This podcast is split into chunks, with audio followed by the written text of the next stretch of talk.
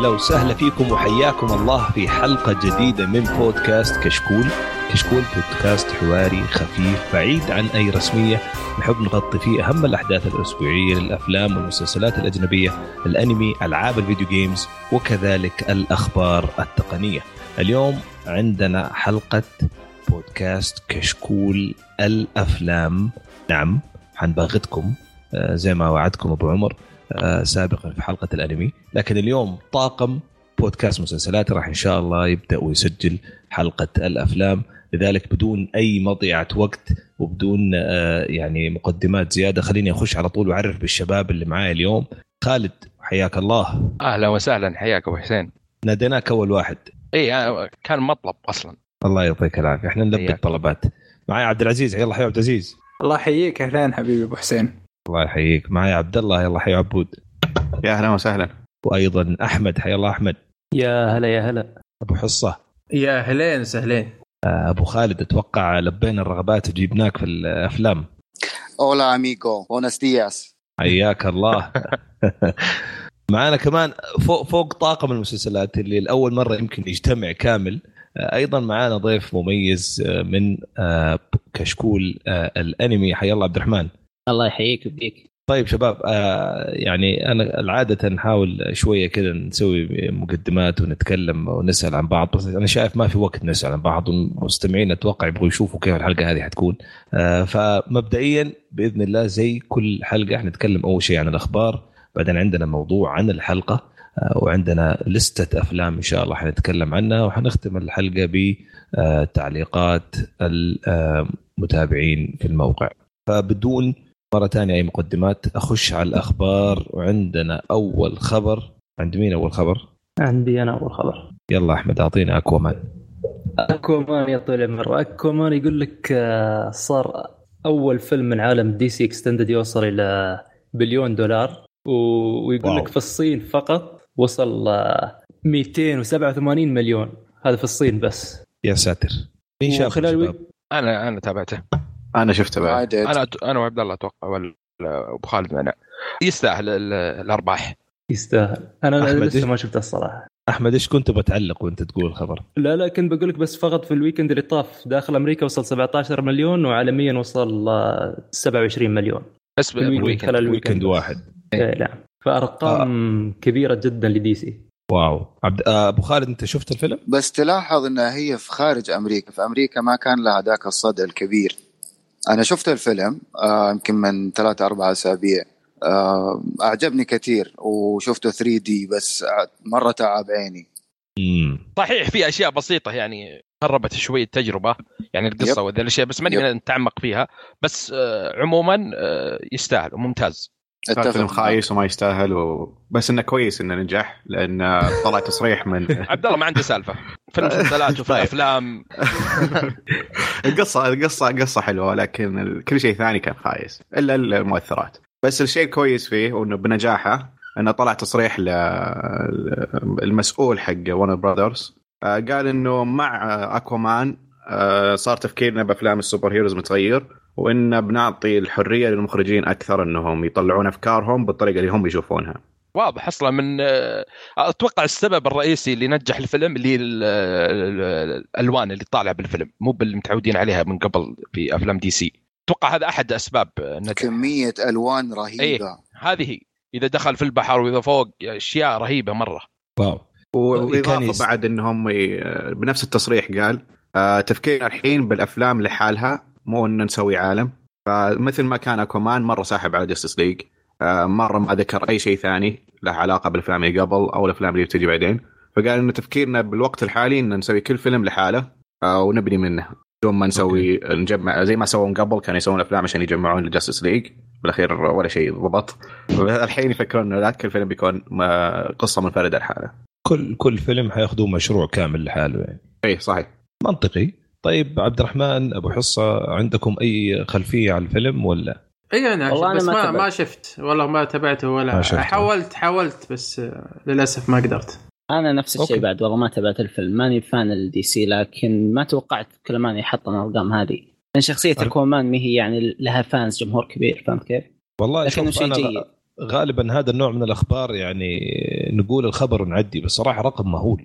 رقم مهول وأنا بالنسبة لي من شخصية ما توقعتها صراحة. لا, لا أنا نفس بعلمك ابو أبو حسين التسويق إيه. ترى دي سي دايم كويس الافلام حتى لو كانت أفلامهم زبالة بس التسويق لها ترى شيء رهيب مرة تسويقهم. كويس فحتى تشوف هذه افلامهم يقول لك تشوف أفلامهم كلها إيه تشوف أفلامهم كلها عموما حتى لو كانت خايسة تجيب آه، مبالغ قوية. أرباح إيه. إيه.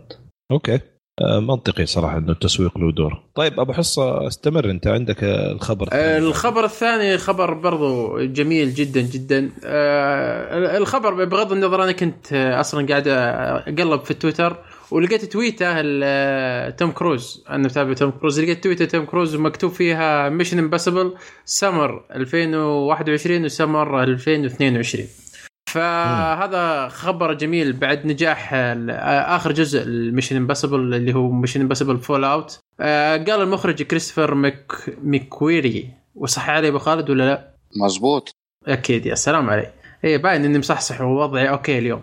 إيه لا ما شاء الله عليك. إيه. فقال المخرج كريستوفر ميكوري إنه خلاص راح يكتب ال- ال- ال- الجزء آه، السادس أو السابع أتوقع. الجزء السادس والسابع آه، مرة أتوقع واحدة. السابع والثامن. أو السابع والثامن فالجديد اللي بيكون إنه السابع والثامن ورا بعض على طول آه، غير الأفلام اللي راحت. فبيكون أتوقع part 1 part 2 آه، فبتكون ال- القصة آه، آه، يعني. الجزء الأول يلحق الجزء؟ الثاني مترابطة بشكل كبير. آه، زي ما شفنا في Avengers مثلا وزي ما شفنا في Lord of Ring وزي ما شفنا في أشياء ثانية. فشيء شيء رهيب جدا. أنا بصراحة من أشد المعجبين في أفلام Mission Impossible واحدة من أفضل أفلام الأكشن عندي. وتوم كروز شخص مبدع مبدع جدا في هذه السلسلة وأحس إنه ويعتبرها هو زي بنته فيحط كل تمثيله وكل حياته في هذا الأفلام. فجدا جدا متحمس للشيء هذا. في حد منكم بس تابع ما الفيلم؟ تحس إنك أنت نفخته بزيادة يعني؟ مش بالعكس الفيلم مرة ممتاز. لا يستاهل والله لا، توم. كروز. مرة ممتاز الفيلم.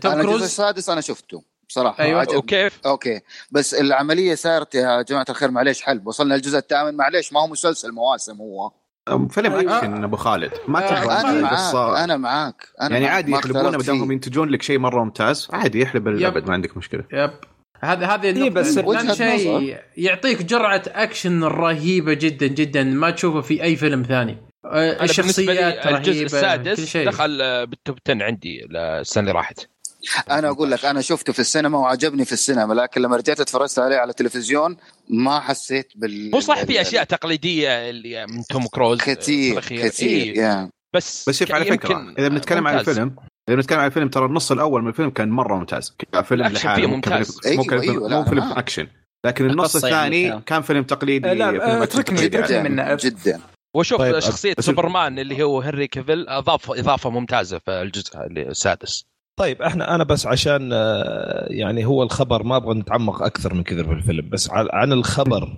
آه، إنه هل أتجدد مرة ثانية؟ آه، أنا شايف مو الكل متحمس. عبد العزيز أنا ما سمعت رأيك كمان. أنا صراحة أشوف توم كروز يعني من 96 موجودة مع هذه السلسلة وأشوف إنه يعني شبه جالس يقتل نفسه مع هذه السلسلة. يطلع كان أشياء حلوة The Last Samurai واعتقد طلع كان American Made كان مرة حلو. أتوقع لو يطلع عن هذه السلسلة شوي ويبدأ يركز على نفسه شوي صدقني راح يطلع أدوار أحلى من هذه السلسلة. ممكن بس مداخلة بسيطة يعني تعليقا على كلامك عبد العزيز. آه كلامك جدا حلو بس هل تبغى تقول يعني إنه آه آه Mummy عجبك؟ لا لا أيوه. آه، آه، هو اللي يطلع من جرة ال- الأكشن هذه يطلع منها شكل يقصد دراما اي يحول يعني على على الأشياء هذه. صراحة أنا 100% مع عبد العزيز. أنا أشوف إنه هو صراحة الجهد. يعني هو ما أبدع وقدم كمستوى عالي من الأداء والتمثيل غير في Mission Impossible غير كذا عليك. كان جد... لا لا, لا, لا. دقيقة. أنا أنا خليني لا، لا، شخصيا في لها أفلام درامية جدا ممتازة. أفلام درامية أفلام كان- يا أكشن جماعة طيب واحد واحد واحد واحد واحد واحد ادخلوا خليني أكمل هرجتي وبعدين خذوا راحتكم وردي علي زي. ما تبغوا. تفضل. okay؟ تفضل. طيب. آه من من يوم ما بدأ هو في الم... ال- ال- سلسلة الأفلام هذه حقت آه Mission Impossible Mission Impossible وهو أبدع. لكن لما كان بيتنحى عنها شوية بيدخل في مجال تاني ما كانت قد كده. يعني نرجع بالذاكرة شوية لورا. آه فاكرين اللي هو ال- ال- الفيلم مع كوبا جودينج جونيور. إيش كان اسم الفيلم؟ show me the money توبي ماجواير. توبي ماجواير هذا كان حلو. Jerry Jerry Maguire Jerry Maguire أو Jerry Maguire مرة كان حلو. وهذا كان بدأ قبل السلسلة اللي هو اللي هي حقت Mission 96. Impossible طيب أنا بس أبغى أقول شيء لأنه فعلا النقاش عن الممثل ده بالذات أتوقع ما ينتهي. ما, ما في أمل إنه ينتهي. بس أبو خالد الشيء الوحيد اللي نتفق عليه إنه ممثل ممتاز. ما بدون أدنى شك. أكيد و- أكيد. وأنا أنا بس يعني تلخيصا لكلام عبد العزيز أنا أتفق معه كمية الجهد. سواء المادي أو حتى الكتابي أو حتى الطاقم اللي بيشتغلوا على Mission Impossible لو وفر فيها جزئين يوفر فيها ويسوي عمل خارج Mission Impossible حيفتح لنفسه مجال يمكن أنت ما قد شفته أنا هذا اللي أتفق فيه مع. مع مع لا دقيقة. دقيقة. بس آه بس تسمحوا لي أتكلم تفضل آه آه، كلامكم آخر غير تعليق منطقي. قبل لا ننقز. اي ما عندك مشكلة. كلامكم غير منطقي لأنه توم كروز ممثل جدا ممتاز. وما يعني ما أخذ Mission Impossible كل تمثيله. يعني أنا جالس أشوف صفحته في IMDb حاليا. آه، كل الأفلام اللي بين Mission Impossible الأول والثاني والثالث والرابع كلها أفلام رهيبة. يعني بين Mission Impossible الثاني والثالث اعطانا Vanilla Sky اعطانا Minority Report Last Samurai Collateral هذا كلها رهيبة. بين حلو. الثالث والرابع اعطانا Valkyrie. اعطانا Knight Knight and Day Tropic Thunder كان. شيء رهيب. بين Ghost Protocol و Rogue Nation اعطاني Jack Reacher كان حلو. الجزء الأول كان جميل. اعطانا okay، Oblivion نتفق واحد من أفضل الأفلام في التاريخ. Edge of Tomorrow يعني جميل. بين قد, قد إيه، نتفق أو نختلف Rogue Nation آه، Fallout كان في أفلام برضو حلوة. لو تسأل أي واحد فكلامكم غير آه، منطقي يا أبو يا شباب. لو تسأل أي واحد بعد مواليد 2000 قول له عمرك سمعت عن توم كروز؟ حيقول لك ما أعرفه إلا في Mission Impossible okay يعني ما عندك مشكلة بس هذا- الرجل هذا- الرجل. قدم شيء رهيب ما آه، ما إحنا ما بنقول ما قدم. إحنا ما ما بنقول ما قدم. أنا أو أنا بدأت كلامي قلت ما نختلف إنه ممثل رائع. هذا اللي قلته. بس قلت لك مؤخرا أنا أتفق مع عبد العزيز مؤخرا بدل ما تطلع ثامن وتاسع ولا سابع وثامن ممكن تطلع شوية وبعدين ترجع. تطلع سابع وثامن.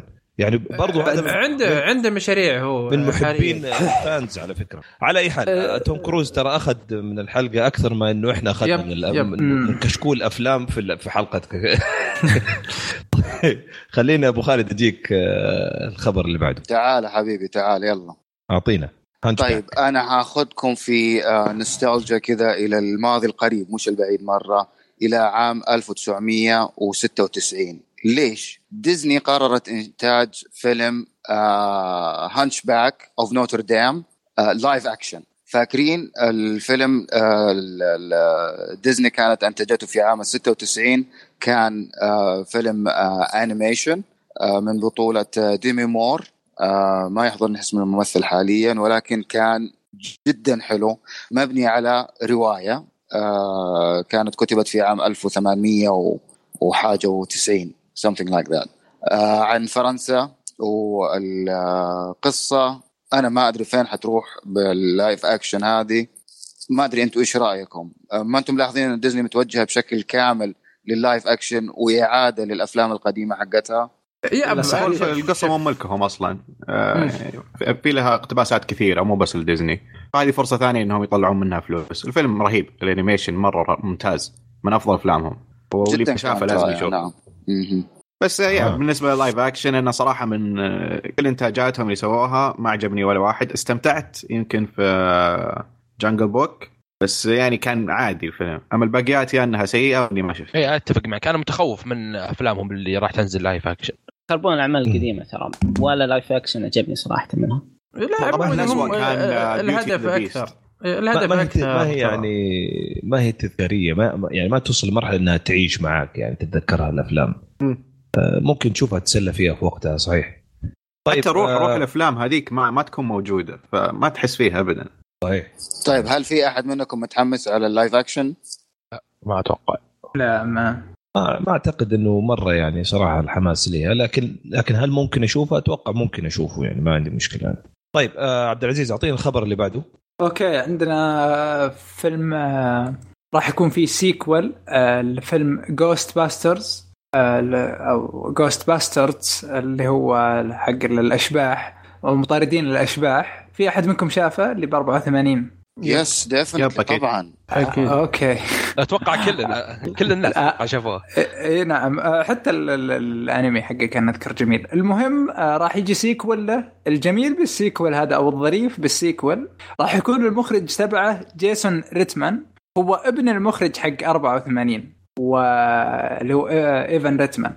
فراح يكمل القصة. وعلى كلامه راح يكون ال ال ال الأشياء اللي كانت ب 84 ب 84 القصة الجديدة راح تكون آه، بنفس هذا الوقت. أها. وراح يكون في نعم وراح يكون في تتمة.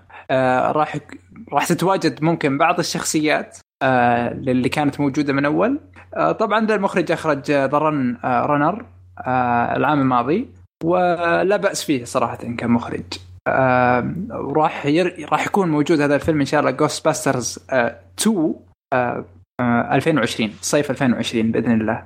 فكلامه كلامه هو مشجع الصراحه وسوني الشركة المنتجه آه، مش حاطة أي اعتبار للفيلم اللي فشل ب 2016 أو كان يعني ما كانت مبيعاته كويسة وتأمل بشكل كبير إنه راح يكون في فيلم ثالث ورابع. لنفس السلسلة وعندهم آه، يبدو قصة آه، حلوة آه، تبع Ghostbusters وراح يرجعنا لاجواء ال 84 اللي كان صراحة لطيف ذاك الفيلم. جداً. يا. شيخ الله يسعدك نعم. على الخبر ده. صراحة أنا كنت مرة خبر متشائم مهم صراحة. جدا. يعني أنا لما شو اسمه ده سمعتك تقول Ghostbuster حطيت يدي على قلبي قلت لا يكونوا بيسووا sequel للفيلم اللي كان في 2016 لأنه صراحة كان كارثة. أصلا لا، نجح لا. الفيلم ولا ما نجح الفيلم أنا مستانس. عرفت؟ اللي بتابعه. كان ممتاز ولا كان سيء أنا متابع متابعه والله شوف أنت ما أنا فهمت قصدي. أنا إذا كان حيبني إيه. على ال- ال- الفيلم أو سلسلة الأفلام اللي كانت في الثمانينات okay على عيني وعلى رأسي وحتابعه طبيعي ايا ما كان يكون. لكن إذا كان بناء على الفيلم اللي ظهر فيه أو سووا له remake على ال 2016 آه، لا. لا لا لا ابدا. كان أبداً. كان سيء فعلا كان سيء. جداً، ابو حصه جداً. إيش كنت تبغى تقول؟ أقول أنا شخصيا يعني ماني مو مو بذاك الحماس آه، للأمانة. آه، لأن هذاك زمن يختلف عن الزمن الحالي. فأنت لو سويته نفس الزمن اللي هناك ما راح يطلع بالصورة اللي أنت متخيلها. لأن في هذاك الوقت حنا كان تفكيرنا غير وكانت رؤيتنا للأمور شيء ثاني. فكنا مستمتعين فيه. فلو بينزل لنا حاليا بنفس الفكرة وبنفس ال- ال- ال- البريمس أو الشيء اللي هو مسويه في الثمانينات ما راح يعجبنا.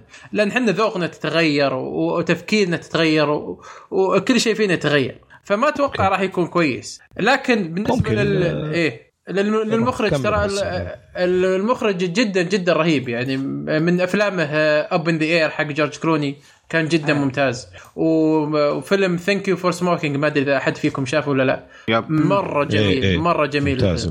ممتاز. إيه. فالمخرج يعني جيد جدا جدا ممتاز. لا شوفوا هذا هذا الشيء الوحيد اللي حمسني يعني. لقاء المخرج أحد الكلمات الحلوة اللي قالها قال اللي صار بالثمانينات آه، بالثمانينات فممكن عنده أفكار آه، حلوة آه، تخلينا مثلا تناسب ذوقنا الحالي أو تناسب اي ممكن إيه التطور آه، العام بهذا. فهذا لا الاشياء بس هو قالها. تعليق تعليق بسيط هنا بس توضيح لابو حصة وللشباب. إنه أساسا هم كانوا بانين لهم فترة طويلة على أساس إنهم هم حيسووا الجزء الثالث من السلسلة. لكن كان بسبب ال budget ما قدروا إنهم هم يسووا فكان توجه ان هم سووا video game. طبعا ال video game فترتها يعني ما ما انتشر كثير ولا قدر انه هو يكمل القصة اللي كان المفروض إنه هو آه، بيستمروا عليها. لذلك لما سمعنا في عام 2016 إنه حيكون في الفيلم حق Ghostbusters كل ال fans كانوا متحمسين. ففاجئونا بإنه قصة مختلفة تماما. لكن بما إنهم حيرجعوا للقصة الأصلية بالعكس هنا حيكون يعني عامل مشجع كبير في الموضوع. صحيح إيه، لا موجود طيب. حتى حتى كبوادر cast موجودين إيرني هاتسون موجود آه، بيل موراي موجود آه، دان أيكرويد اللي هم كانوا بيل موري. الأساسيين بيل إيه. موري إيه، ممتاز نعم. ممتاز اي نعم موجود في بعضهم ك يعني آه، يبدو إنهم راح يكونون موجودين أو شيء مثل كذا الخبر ممتاز جدا وأتوقع الأغلبية متحمسين. أبو حصة متفهم أنا وجهة نظرك بس أكيد لازم يعني يعملوا حساب الوقت الحالي وذوق الجمهور اختلف ولا حيروحوا في 60 داهية. طيب نجي الخبر اللي بعده. آه، خالد أعطينا الخبر اللي عندك. آه الخبر اللي عندي آه فان ديزل قال إن ال spin off حق Fast and Furious الجاي راح يكون كل الطاقم آه، نسائي. أها. تعرف أنا. د- دقيقة يعني- بس من اللي حط الخبر هذا من هو؟ عبد الله أتوقع يا لا، خالد. أخي، الله الله. يسامح معليش الله يسامح. كل شيء على عبد الله مسكين عبد الله الله يسامح هذا خبر إيه؟ انقال لا عند الناس. سلسله سلسلة مشهورة وسلسلة ممتازة وسلسلة اكشن قوية تنافس Mission Impossible لا لا لا ما بس دقيقة، ما يعني هو على- تنافسها. على تنافسها الفكرة. بالإيرادات بس الخبر آه، مو كذا إنه ال- الكتاب بيكونون آه، ثلاثة الرئيسيين هم نساء وال cast بيكون أكثر diverse مو بشرط إنه يكون كله نساء بس بيكون الكتابة من توجه نسائي اللي هم- فهمته والله كل الممثلين نفسهم اللي راح يطلعون كلها نسائي لا لا البطولة لا قالوا إن. ال cast البطولة. بيكون آه، متنوع لكن الكتابة بتكون من ثلاث نساء يا رجال بيحط لك فان ديزل والباقي كله نساء أتوقع آه، لا أنا شفت آه، في في فيلم هم منزلينه بس بيكون في The Rock وجيسون ستيثم وحنتوقع إحنا حنتوقع ولا حنقول خبر؟ لا لا في أقول فيلم. هم سووه في في فيلم فيلم هم. سووه بس ما أدري وش السالفة اللي فيه جيسون ستيثم و The Rock. ومعهم إدريس ألبا أوكي إيه، صحيح، صحيح صحيح. صحيح, صحيح. إيه هذا من ضمن السلسله بس هو ما أدري هو spin off ما أدري شو السالفة صراحة لا إيه، ال spin, off ال spin off برضه حيكون لحاله ما, ما, ما هو متسلسل مع نفس ال Fast and Furious أنا هذا اللي فهمته. فعشان. كذا إحنا spin off. دوين جونسون وذاك اي البريطاني فهذا عشان spin off فأتوقع كلها نسائي لا لا الكتاب لا لا الكتاب نسائيين البطولة خ- نسائية الشخصيه الله. الرئيسيه نسائية لكن الكاست بيكون متنوع هذا اللي. خذها قال خذها مني. ما. في إلا فان ديزل لا ما بأخذها منك بأخذها من اللي كتب الخبر. ما ما عنده سالفة الكتب الخبر. طيب ما شاء الله تبارك الله شكرا يعطيكم العافية شباب على الخبر الجميل ما شاء الله. مرة مهتمين أصلا كلنا ميتين مهتمين وصافين الحين آه، يصير أنا مهتم الصراحة. الفيلم. طيب, طيب شكرا. طيب، حاول ما آه، ينزل على طول. عب- عبد الرحمن بس أبغى أسمع تعليقك عن مهتم أنت في الفيلم ده؟ لا والله لأني ماني مرة فانس كبير للسلسلة. ما تابعت يمكن بس ثلاث أفلام. زائد سالفة إنهم يغيرون الأشياء العنصر النسائي دائما تكون سيئة. فماني متحمس ولا لاني أشوفه. وأنت أحمد إيش رأيك طيب؟ بما إنه ما سمعنا صوتك.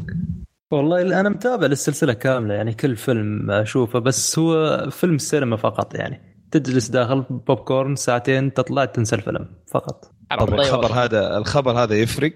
آه ما يفرق معي الصراحة يعني. ابدا جميل. اذا الأغلبية ما يفرق معك. شكرا خالد على الخبر الممتاز جدا. عنصرية. طيب الخبر اللي بعده آه، يعني هو خبر سريع صراحة من Warner Brothers أعلنوا إنه في فيلم قادم لكريستوفر نولان آه، وحيكون فيلم ضخم جدا. هذا كل اللي نعرف عنه. وحيكون في صيف 2020 آم، الخبر بحد ذاته في ناس كثير متحمسين عشان كريستوفر نولان حيرجع مرة ثانية يسوي خبر. حيسوي فيلم عفوا مرة ثانية. ما أدري إذا في أحد فيكم يبغى يعلق على شيء زي كذا. بس عندي تعليق بسيط. أبي يرجع فيلم كريستوفر نولان. مو آه، آخر له شفناه فيلم اللي هو دنكرك. كان ممتاز. بس أبي كريستوفر نولان اللي هو Inception ذا Interstellar أبغى أبغى أبغى أبغى فيلم له ذا كذا Dark. Knight أيوه. زي كذا. أبغى ابغاه يرجع. في الافلام القوية. معك 100% صراحة. آه عبد العزيز أنت إيش رأيك؟ والله أنا الشيء الوحيد اللي يعني ممكن إني أستغرب أو شيء هم قالوا 17 يوليو أو فا 17 يوليو 2020 إيه صيف ولا قالوا 22. 17 يوليو؟ أيوه أيوة. الصيف تقريبا الصيف. يعتبر. لأن موضوع ال ال ال إنهم حددوا اليوم فواضح إنه تحس إنه الخطة واضحة وجاهزة وكذا أيضا موضوع إنه يكون. بالصيف إيه. آه، إنه يكون بالصيف غالبا أفلام الصيف آه، تكون قريبة للتجارية وموضوع ما بين السوبر هيروز وإلى آخره. فمستغرب الصراحة إنه يكون بالصيف. لا ما هم قال لك إنه حيكون إنتاج ضخم جدا. فقد يكون يعني بحجم الإنتاج للأفلام السوبر هيروز اللي نشوفها الآن. آه بس بطابع مختلف.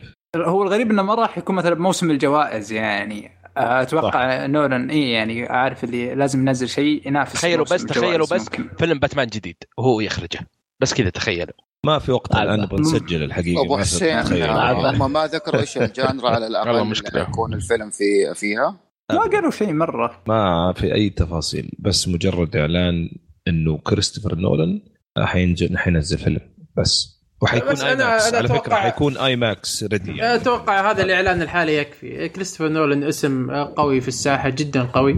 وشخص ما ينزل لك أي شيء فلا ما تتوقع إنه بينزل لك شيء خربوطي. فهو يعني ما مو مخرب اسمه. فلو بينزل شيء بينزل شيء كويس مرة. فهذا شيء يحمس بالنسبة لي. جميل. طب عبد الله أعطيني رأيك في الخبر وبعدها أعطيني الخبر اللي عندك كمان. آه، أنا صراحة ما شفت دانكريك بس آه، كريستوفر لونان دائما أفلامه متعوب عليها. فإن شاء الله يعني إنه يكون بنفس المستوى أفلام المعتاد يعني. جميل. Okay. أعطينا Netflix آه الخبر اللي عنده. بعده والخبر الأخير أقوله؟ أعطينا. Okay. آه يقول لك Netflix آه سووا أكبر حملة للدعاية لفيلمهم للأوسكارز من سنوات اللي هو روما. طبعا آه يمكن وصلت أتوقع يتوقعون إنه وصلت تكلفة الدعاية حقتهم إلى 20 مليون. آه فطبعا لازم يسوقونه ويرسلونه لل- اللي يصوتون ويسوون parties كثيرة وحفلات ويخلون المخرج والممثلين يسوون أدوات كثيرة عشان يتكلموا عن الفيلم. فهذا كان التصوير. بس المشكلة هنا إنه ليش Netflix جالسين يسوون كذا؟ لأن آه، في عداوه كثير بين Netflix وال آه، حقين الأفلام خلينا نسميهم. آه، ف- هوليوود- هوليوود. أيوه هوليوود أيوه. إيه. آه فمثلا آه لما نزل ترشيح آه حقنا الأوسكارز الأسبوع الماضي آه روما ترشح لأكثر من جائزة. وفي أحد الصالات في لوس أنجلوس مثلا كل سنة تعرض الأفلام المرشحة بصالاتها قبل ال- الحفل بعد الترشيح. لكنها رفضوا أنهم يعرضون روما هذه السنة. وهذا الشيء برضو صار في كان أعتقد السنة الماضية مع فيلم Okja وفيلم ميتس وورد ميثود. آه يعني صارت مشاكل بين كان و Netflix إنه Netflix يعني يبون يعرضون الفيلم على طول على streaming service وهم يعرضونه بالسينما. فهذه المشاكل اللي تزيد بين ال streaming service و Netflix والسينما وهوليوود بشكل عام. فهذه اللي تقلل فرص نتفليكس إنها تفوز حتى لو كان الفيلم يستحق أو ما يستحق. هذه الدراما والسياسة اللي تصير بعالم السينما هي اللي بتخرب ممكن تخرب عليهم. فهم جالسين يشدون حالهم إنهم يسوقون يوصلون أكبر عدد ممكن من المصوتين عشان تزيد فرصهم. أتوقع خبر آه راح يفيد كثير موضوع نقاش الحلقة حق اليوم. آه لذلك بدل ما نعلق يمكن على الخبر بالتحديد آه ننتقل لموضوع نقاش الحلقة وبرضه نذكر بالخبر و... و- ونعلق عليه. إيش رأيكم؟ كلام جميل. بقترح? الشيء. طيب إذا أسلمك المايك آه، أبو خالد. آه، أنت وعبد العزيز عشان تعطونا موضوع الحلقة. آه، وتفتحوا النقاش أيضا. وأنا حساعدكم كمان في توزيع النقاش بين الشباب. يلا. Thank you appreciate it عبد العزيز يلا. جو طيب آه، بسم الله. عندنا ال- ال- ال- ال- موضوع الحلقة. الأفلام والسينما آه، أو مستقبل الأفلام والسينما بظل نهضة المسلسلات وسهولة مشاهدتها اللي هو نتكلم عن Netflix وإلى آخره. ف وبين خلينا نقول بين قوسين تأثير خدمات البث على صناعة الأفلام. آه، راح ناخذ آه، timeline آه، طويل ما بين آه، الأفلام أو عالم السينما وهوليوود والمشاكل اللي سووها لهم التلفزيون وصانعين المسلسلات وإلى آخره. آه راح ياخذنا قصة المعركة والم- والملحمة هذه آه أبو خالد. طبعا ما راح نقدر نتكلم عن الموضوع إلا إذا ذكرنا تاريخ كل واحد فيهم وكيف بدأ ونشأته وإيش الحاجات اللي تعرضوا لها والصعوبات اللي كانت في البداية. ف آه، نبدأ مثلا في تاريخ الأفلام وكيف بدأت. عام 1895 كان آه، تم إنتاج أول فيلم سينمائي حقيقي آه، في باريس آه، بواسطة ال- الأخوين لوميير. طبعا في البداية كان في آه، محاولات كثير لصناعة أفلام سواء كان على ال- المستوى المحلي أو الداخلي لكن ما كانت بتلقى آه، ال- الشهرة أو الانتشار إلى أن ال- الأخوين لوميير قدروا انهم هم آه، يسوقوها بشكل تجاري. في عام 1997 بالتحديد فتح أول آه، استوديو تصوير آه، أفلام. بعد كذا بدأت إن هي الاستوديوهات تنفتح شوية بشوية لكن كدور عرض كان في شح في وجودها. لذلك كانت الأفلام بتعرض في آه، مواقع مفتوحة إلى عام آه، 1998 حيث فتح أول دار عرض سينمائي باسم The Nickelodeon 1898 قصدك. عفوا 800 ألف- إيه. 1800 إيه نعم. 1898 Okay. طبعا في البداية كان ال- ال- ال- الفكرة جديدة فالعالم كلها منبهرة تبغى تشوف إيش ال- الموضوع. عدد ال- الممثلين حتى كان تقريبا تقدر تقول يعد على الأصابع. والأفلام كذلك نفسها في ذاك الوقت كانت ما تتعدى لعدة دقائق يعني ثلاث أربع دقائق هذا إذا كان مرة مقطعين بعضهم. وكان في الغالب القالب اللي هم بيعرضوه فيه اللي هو القالب الكوميدي. وزي ما الكل عارف إنه كان بالأبيض وأسود. ما كان في مؤثرات ما كان في أي آه تدخل خارجي. حتى كان صوتيات ما كان فيه. كانت مجرد صورة بتعرض لا أقل ولا أكثر. حلو.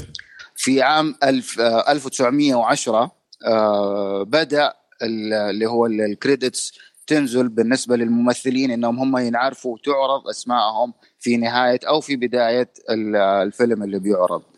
آه، طبعا ال- ال- البداية لما كانت إنها مجرد صورة وكذا لازم كان يكون في شيء يكملها فكان دائما بيصاحب معاها اللي هو ال- ال- الناريتر أو ال- الراوي آه، كان موجود. حتى في اليابان إلى نهاية عام 1927 آه، كان دائما بيكون موجود معاهم أوركسترا أو فرقة على أساس إنهم هم ي- يعزف الصوتيات.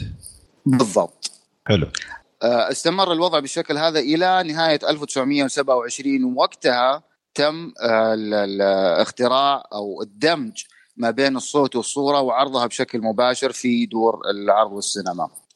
ال- الزوم حتى بالنسبة للكاميرات ما كان في شيء اسمه زوم ما في شيء اسمه تقطيع.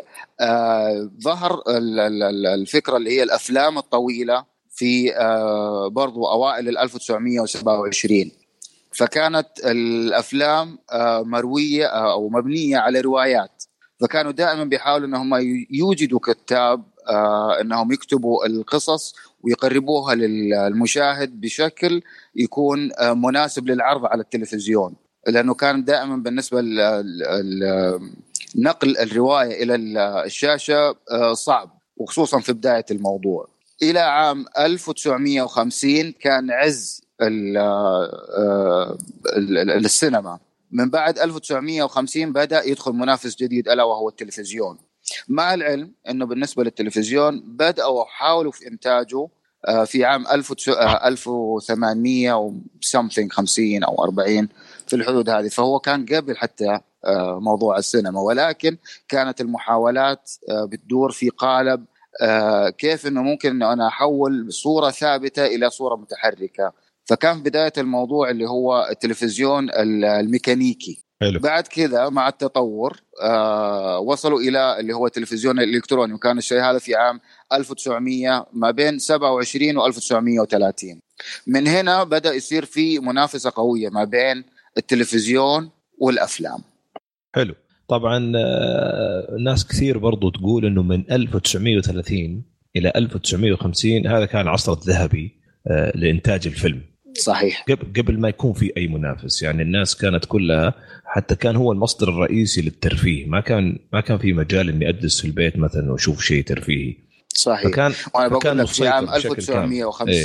1950 كان ال- التلفزيون بدأ انه هو يعني يسيطر أو يهيمن بشكل عام بدا على بدأ الانترتينمنت. كمان أيوة. منافس صحيح صحيح فكان في آه، نهايات الحرب العالمية ال- الثانية ثاني لما. آه، كانوا هم بيحاولوا كمان إنه دائما سواء كان في التلفزيون أو في ال- السينما بيعرضوا ال- آه، ال- ال- ال- الجانب آه، اللي هو كيف تقول آه، الحرب من وجهة نظر ال- المنتصر.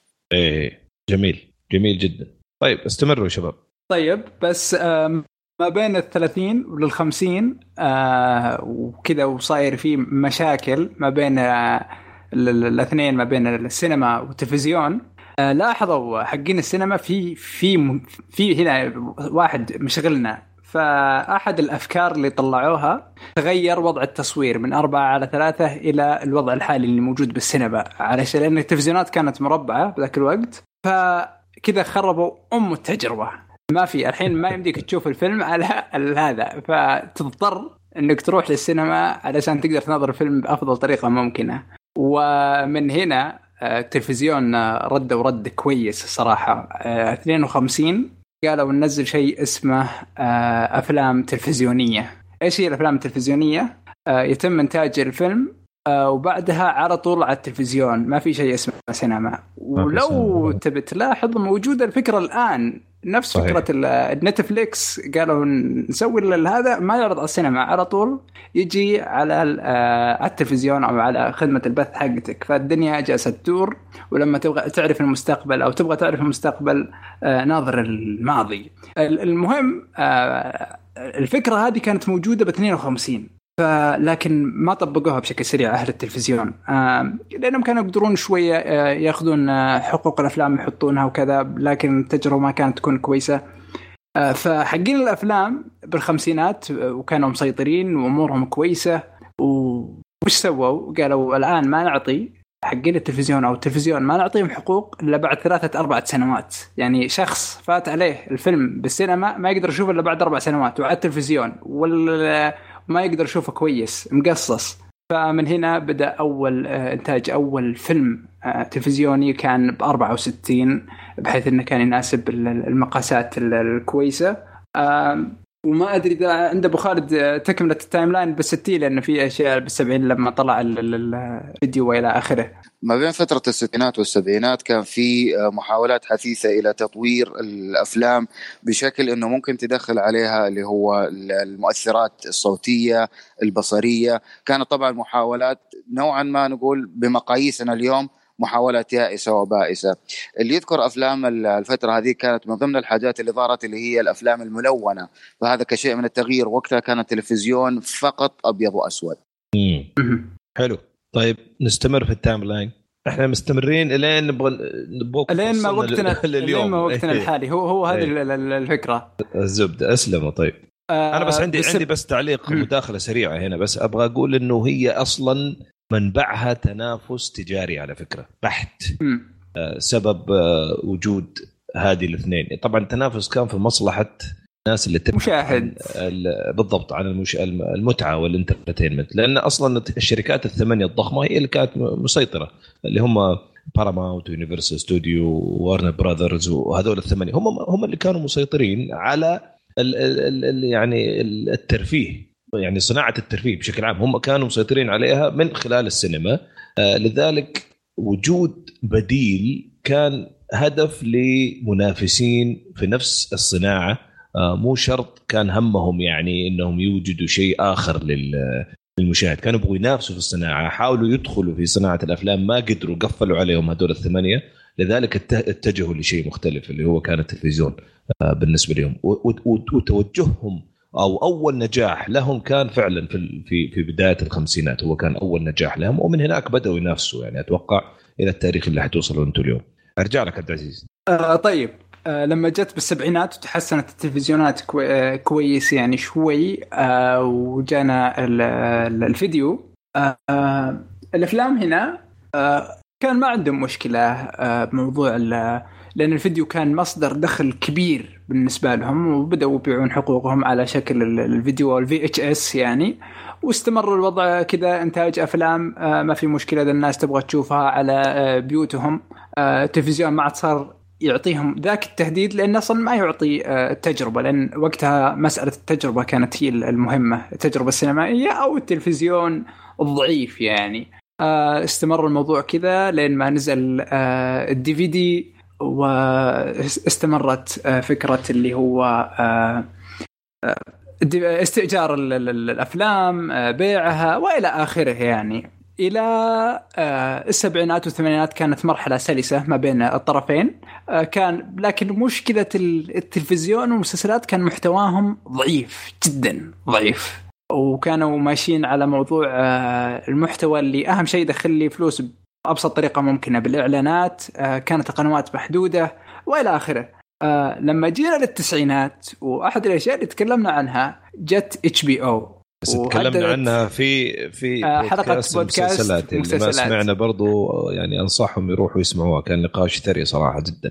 أسلم عبد ف... فلما جت HBO هددت عالم الأفلام بالمحتوى. لأن مو- من أول كان محتوى الأفلام أفضل بكثير من محتوى ال- ال- ال- المسلسلات اللي كان ما بين آه، آه، آه، اللي هو الواقع والكوميدية البسيطة وإلى آخره يعني. فلما جت إتش بي أو أعطتنا شيء مقارب آه، تجربة وإلى آخره للأفلام آه، هنا صحيح. هنا بدأ موضوع ال- عالم الأفلام شوي يرتبك وبدت القنوات والمسلسلات تأخذ الموضوع بأكثر جدية. فمن من من بداية ال 2000 إلى وقتنا الحالي آه، تقريبا ال- ال- السنة الماضية هذا وقبلها قبلها كانت كان القتال بينهم أو ال- ال- ال- الأشياء اللي بينهم كانت آه، آه، أشياء تقنية أشياء إما تجربة يعني تجربة المشاهد وإلى آخره. لكن لما جت موضوع المحتوى وهل أنت تقدر تقدم لي المحتوى بأفضل طريقة ممكنة؟ أعتقد كان هذا أكبر تهديد. العالم الأفلام. فكان دائما يوجدون لهم حل لكن لما جاء موضوع المحتوى الحل كان شوية آه، صعب بالنسبة لهم. ومن 2010 وطالع أو من يوم ما جات نتفليكس آه، اجمعت كل هذه الأشياء اجمعت اجمعت لي موضوع إني أقدر أشوف الفيلم بأرخص طريقة ممكنة لأن في دراسات تقول إن أو آه، بعض الإحصائيات تقول إن بعض العوائل الفقيرة اللي تعتبر يعني فقيرة بأمريكا أو أغلبها كلها عندها اشتراك نتفليكس. يعني ممكن إنها تشترك بنتفليكس لكن ما عندها استعداد تروح للسينما. آه، اجمعت لي آه، السعر المناسب اجمعت لي الأفلام التلفزيونية اللي قلنا عنها من أول وبرضو اجمعت لي آه، المحتوى الممتاز. فهذه جودة الاشياء ممتازة. إي نعم وجودة الممتازة أو التجربة الممتازة. هذه كلها آه، جت مع عالم الإنترنت وبدأت تهدد بشكل واضح وصريح آه، اللي هو آه، الأفلام. عالم السينما. بالضبط. عالم السينما. فلما لما نذكر لكم حاجة بسيطة ال ال- ال 52 لما أنتم قلتوا إنها كان أعز وقت للسينما باعت بأمريكا تقريبا حوالي مليار و300 وشيء مثل كذا آه، مليون تذكرة. تخيلين الرقم. الآن آه. 2016 تقريبا بيع 168 مليون تذكرة فقط. يعني حوالي مليار تذكرة كاملة راحت. ف... وطبعا إحنا هنا كلها- نتكلم بغ- بغض النظر عن سعرها بغض النظر عن تكلفتها بس إيه، هذا يعطيك يمكن- إيحاء من عدد الزوار لل عدد الزوار عدد الزوار. صحيح صحيح. فالآن نبدأ هنا مع الأسئلة أو نبدأ آه، بعد ما أخذنا آه، ال timeline كامل من يوم ما بدأوا إلى يومنا الحالي آه، والأشياء اللي سووها وكل واحد كيف يلعب على الثاني بطريقة أو بأخرى. هنا راح نحلل بحكم إننا إحنا نشوف المسلسلات كثير آه، فايش هو إيش اللي يخليك أنت يا عضو بودكاست كشكول مسلسلات آه، تفضل آه، مسلسل على فيلم. أها هنا طيب حستلم منك أنا عبد العزيز. okay. أسترد المايك بس جملتين أبغى أقولها قبل لا أرجع لك. أول شيء آه، timeline يعني خط زمني بس عشان إيش؟ عشان لا لا أحد يقول أنتم بس تتكلموا إنجليزي ما تفسرون لنا إيش الموضوع. أنا لاحظت إنه ما قلناها إلى الآن يعني. فالخط الزمني اللي تكلمنا عنه الآن هذا. آه، بس أنت ذكرت نقطة بتأكد منها أنا. مع بداية HBO في التسعينات بدأ هذا التحول صحيح؟ آه صحيح تقريبا يعني. أو أو أو تزامن أو أنت قلت تزامن. هو كان في الستينات. في الستينات لما كانت ال FCC بتحط شروط معينة للتلفزيون عشان يقدر ان هم يعرضوا برامج معينة عليها. وعلى فكرة برضو في فترة الستينات كانت بدأت أول دعاية تلفزيونية على قناة CBS Okay. طيب معلش أنا بس كنت بتاكد من آه، من هذه المعلومة. أرجع لك عبد العزيز. Okay. Okay. آه فنرجع للسؤال السؤال ال- ال- ال- الأول ومن بعد راح تجي أسئلة كثيرة. آه فإحنا ليش اخترنا هذا الموضوع بالتحديد؟ لأن ال- اللي عندي هنا كلهم تقريبا بودكاست آه، مسلسلات. آه آه وش اللي ما خليت ما خلاك تقول لي والله أبغى أصير بودكاست أفلام؟ يعني آه ليش تفضل أنت تشوف حلقتين بدل ما تشوف فيلم؟ وإلى آخره يعني. ف... طبعا في سبب سبب يجمعنا أتوقع كلنا إنه. أصلا أبو عمر ما أعطانا وجه هناك. يمكن هذه الإجا- إجابة كلنا يعني. هذا أتوقع الجواب. لا لا طبعا أمزح. لكن آه، ولا ننسى معانا عبد الرحمن ترى من الأنمي. وعبد الرحمن أنا كمان ودي أسمع رأيك لأنك لما عرفت إنه هذه أفلام جيت معانا بس ما عمرك جيت معانا في المسلسلات فعندي مشكلة معاك أنا شوية مبدئيا الآن.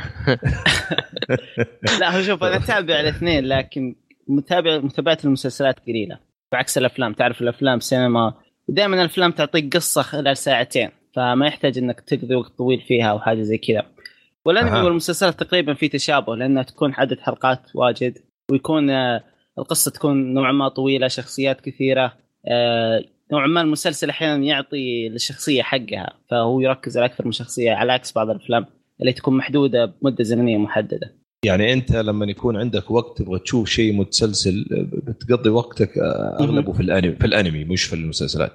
إيه إيه.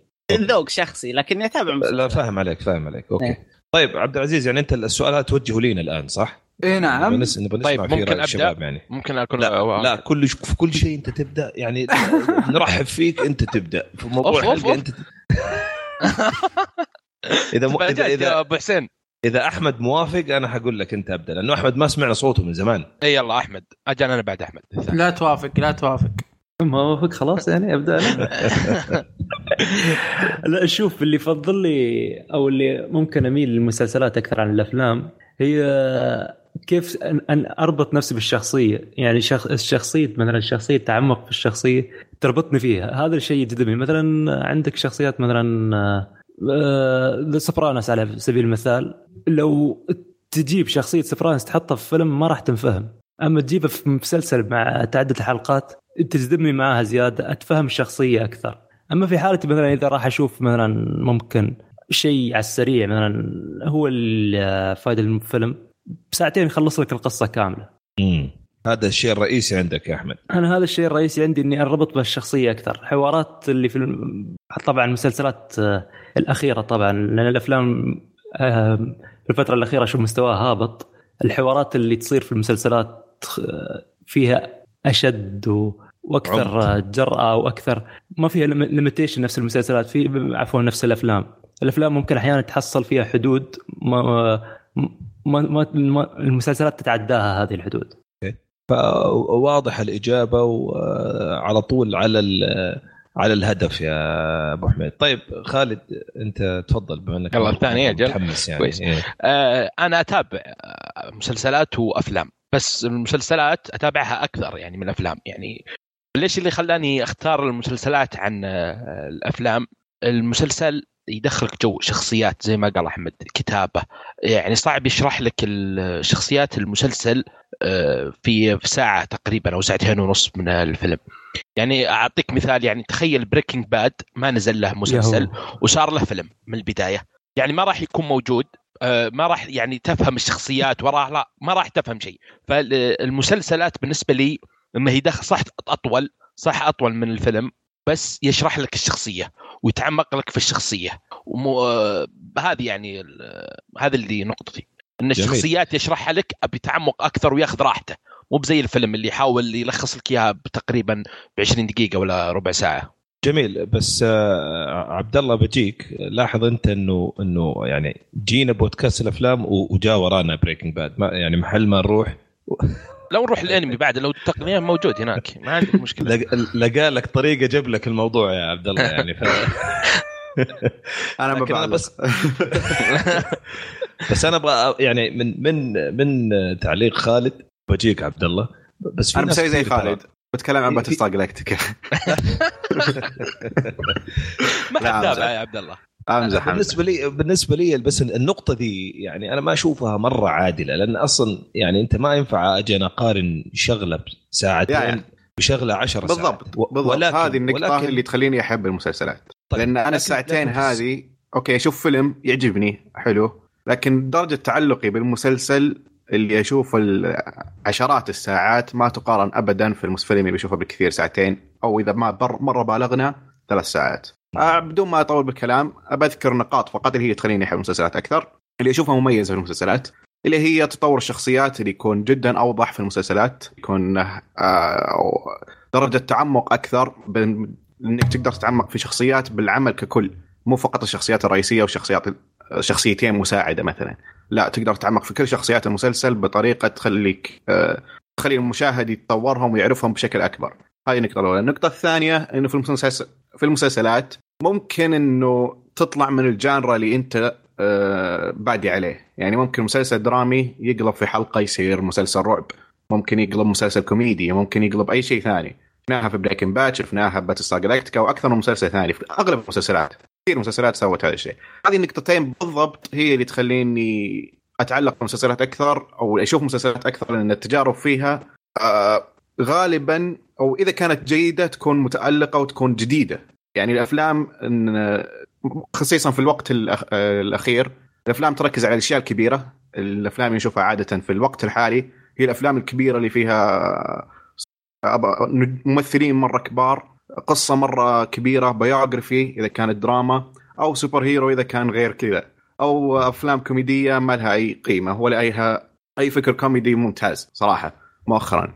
لكن بالم- بالمسلسلات فأحس إن عندهم درجة الإبداع في السنوات الأخيرة أكثر ومساحة الحرية عندهم أكثر من الأفلام. جميل جدا. طيب آه، عبد الرحمن نسمع رأيك أنت مع إنك قلت جزء من رأيك في البداية بس ودي آه، أشوف اذا عندك تعليق آخر. تقريبا نفس رايي اللي قبل مثل ما قالوا الشباب أنا متفق معهم باغلب النقاط إنه من حيث إن الشخصيات تاخذ يعني. حقها. اي الشخصيات. غير كذا إن الفيلم أحيانا ما يعطي المسلسل يعطيك قصة طويلة وتستمتع فيها. مثل ما قالوا إن بعض الحلقات يتغير تصنيفه ويعطيك أكثر من تصنيف ويخليك تعيش مع العمل مدة طويلة عكس الفيلم اللي يمكن تتابعه ساعتين وخلاص تنساه. عكس المسلسل يكون ثلاث أو أربع مواسم. بس هذه. النقاط تقريبا. حلو. طيب أبو حصة؟ والله شوف أنا صراحة مو بإني أفضل الأفلام على المسلسلات أو المسلسلات على الأفلام. وبعض الكلام الشباب صحيح لكن من ناحيتي أنا ما يعني في بعض مثلا فيلم يجيك آه، يعطيك جرعة خمس مسلسلات. من ناحية شخصيات من ناحية كل شيء. وفي مسلسل ما يعطيك جرعة ولا نص ساعة أو عشر دقائق من فيلم واحد. آه، فهذه تعتمد بشكل كبير على ال- ال- الكتابة والإخراج في الفيلم والكتابة والإخراج في في المسلسلات. فمسألة إني أفضل شيء على شيء هذه صعبة جدا. هذا عمل وهذا عمل ثاني. لكني آه، آه، بس صراحة خلينا نقول. مؤخرا يعني أنت تميل اي لإيش؟ لا لا إيه أنا بعلمك ليش إحنا أكثر نميل لل- لل- للمسلسلات آه، إحنا انولدنا يعني أو عشنا بالفترة اللي كانت المسلسلات فيها مرة عالية مرة ال quality فيها عالي ومرة القصص فيها عالية ومرة كلش كلش كان ممتاز في المسلسلات فإحنا عشنا بهذه الفترة آه، وما عندنا سينما نقدر نشوف فيها ال- الأفلام الجديدة ونقدر نتابع فيها كل شيء نازل. مع إن عندنا ال torrent مغطي علينا الشيء هذا لكن آه، آه، برضو السينما لها لها دورها. فعشان كذا ممكن الأفلام ال- عفوا المسلسلات كانت أكثر وأقرب لنا وشدتنا أكثر من ال ال ال الأفلام. يعني أنت آه، أبو لكن- تبى تقول لي إنك جاء جاء في وقت المسلسلات كانت بتعطيك خيارات جيدة. اي اي إحنا أقول لك في الوقت آه، اللي إحنا فيه يعني تقريبا من آه، من التسعينات وفوق كانت المسلسلات بادية تأخذ مجرى قوي جدا. امم فإحنا كلنا بدينا نتابع يعني من التسعينات أو الثمانينات وفوق. فإحنا بداية متابعتنا كانت المسلسلات ماخذة وقت قوي ماخذة كتابه وبادية تنهض نهضة قوية. فبداية الألفي الفينية على مثل ما ذكروا الشباب بدأ بدأت النهضة القوية لل- للمسلسلات. فاحنا بدا النضوج عندنا تقريبا. آه، يعني معظم الشباب بدا النضوج عندهم من فترة ال ال 2000 وطالع آه، ففترة النضوج عندنا بدأت مع نضوج المسلسلات. فهذه الفترة هي اللي خلتنا أكثر أن نتعلق بالمسلسلات ونفهمها أكثر و... وتحاكينا أكثر. ففي هذه الفترة عشان كذا آه، صرنا نحب المسلسلات أكثر. مع أن الأفلام لها حقها وفي أفلام تأخذ منك شيء شيء غير طبيعي وتعطيك جرعة مرة ممتازة. آه، لكن برضو. المسلسلات آه، لها لها جوها الخاص ولها لها جوها العام يعني. آه، في أشياء في الكتابة حرية ما تقدر تلقاها في المسلسلات مثل ما ذكروا الشباب. وطبعا معظم النقاط اللي اللي في بالي ذكروها الشباب. فحبيت بس أذكر هذه النقطة. جميل جدا. طيب قبل أرجع لعبد العزيز وخالد يمكن حجاوب أنا على السؤال على السريع. أتفق صراحة مع الشباب في كثير من الأشياء. أتفق مع أبو حصة في شغلات. أختلف معك شغلات بسيطة بس حصه إنه مثلا آه، في التسعينات في الثمانينات ما كان في مسلسلات بالعكس ما كان في إلا أفلام كويسة. مسلسلات كانت دوبها صح فعلا كانت تطلع ما كانت جيدة. وأنا كنت أشوف الأفلام في ذاك الوقت بالعكس محافظة علينا. يعني أفلام خرافية نزلت في ذيك الفترة خصوصا يعني النصف الثاني من التسعينات من أقوى الفترات اللي كان فيها أفلام جيدة. أنا بس بالنسبة أبو- لي إي بس إيه. ابو حسين بالنسبة لنا حنا كأشخاص سهولتها للأفلام سهولة إن نشوف الأفلام عكس سهولة لما نشوف ال- المسلسلات. يعني إحنا ترى ما, أبو- ما- بدينا نشوف مسلسلات ونعرف المسلسلات الأجنبية إلا مع مع MBC ومع ال- الأشياء هذه القنوات. ولا قبل ترى ما ما كنا ما كنا مطلعين بشكل كبير على المسلسلات. صحيح صحيح. بس آه، يعني شوف آه، كان توجه يعني أتذكر أنا كان عندي اشتراك في محلات الفيديو اللي يعطيك ال VHS هذا. مم. اشتراك يمكن أربع سنين ما وقف آه، بدون مبالغة كل يومين كل ثلاث أيام كنت آخذ فيلم فيلمين. ما كان عندي مشكلة ابدا إني أتفرج على الأفلام. بس بس اللي أتفق أنا معك فيه إنه من بعد ال 2000 2005 وأنت طالع فعلا نضجت كثير المسلسلات. في نفس الوقت أصبحت الأفلام تبحث عن آه، الجودة صراحة. أنا شخصيا اللي اللي خلاني أركز على المسلسلات أكثر في ذيك إني آه، شفت تجربة جديدة مع المسلسلات. ذيك الفترة كنت تاخذ الجرعة كاملة من قصة من حوار من تسلسل من أحداث إلى نهاية ممتازة مع الأفلام. قل قل تركيز المعادله هذه كاملة. صار ضعيف جدا المعادله هذه كاملة. أصبح- أصبحت الأفلام ما تأخذ منها إلا يا إما مؤثرات ونهاية رائعة آه، أو تمثيل نهاية متواضعة أو يعني يعني ما تأخذ المعادلة كاملة. نفس الوقت ظهرت مسلسلات خلتك تعيش تجارب وتسلسل جديد بالنسبة لك. يعني تسلسل طويل مع ذلك تنشد له هذه كانت تجربة جديدة من ناحية خصوصا أسلوب القصص يعني. يمكن في حلقة المسلسلات ذكرنا مرة كيف تأثير HBO على هذه المسلسلات. أحمد اتفق هذه من النقاط اللي ركزنا عليها. بدأت HBO يعني تواجه قضايا بدون أي حدود. تجربة جديدة فكانت زي يعني صراحة ال- ال- فاجاه مع إن البديل ممتاز كان في ذيك الوقت لسه الأفلام كانت ما زالت كويسة. بدأت بعدها اللي إحنا يعني اللي فيه إحنا اليوم اللي أنا صراحة أسميه يعني أصبحت السينما كأنها brand. في brand ماشي و brand تعبان. brand اللي ماشي بغض النظر يعني قاعد ينتج أفلام جيدة أو لا بس بما إن هذا ال brand يتبع آه، يعني فئة معينة تحصل يجيب لك أرقام خيالية. ونجاحات خيالية مادية. طبعا لما شيء زي كذا نجاحات مادية أكيد حيستمر. واستمر يجيب نجاحات لكنه فقد الناس اللي تبحث على آه، المتعة البساطة الجودة العالية. أنا أذكر يعني مثلا Titanic Lord of the Rings Godfather هذا النوع من الأفلام مثلا Cast Away أو خلينا نقول Forrest Gump الأفلام اللي متفق عليها الشعب إنها هي الأكثر شعبية بنفس الوقت هي نفسها اللي فازت بالأوسكار. كان في منطقية هناك. كان في منطقية بين المتابع وبين هوليوود. ما في مجاملة آه. الآن.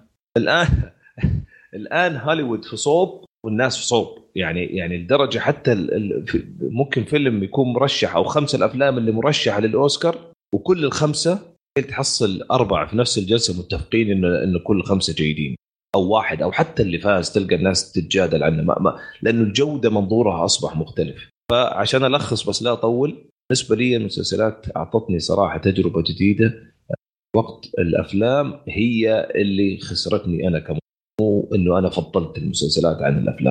أرجع لك عبد العزيز. أبو خالد إذا تبغوا تضيفوا لل يعني جاوبوا على هذه الإجابة وفي أسئلة أخرى. آه طيب. آه في صراحة في سبب آه واحد من الشباب قال لي كنت جالس أحضر حلقة قال أنا على أقل شيء ما ما أتعب رأسي آه، كل مرة وش راح أشوف فيلم أجلس شهرين وأنا شايف مسلسل واحد ولا أجلس تعب رأسي.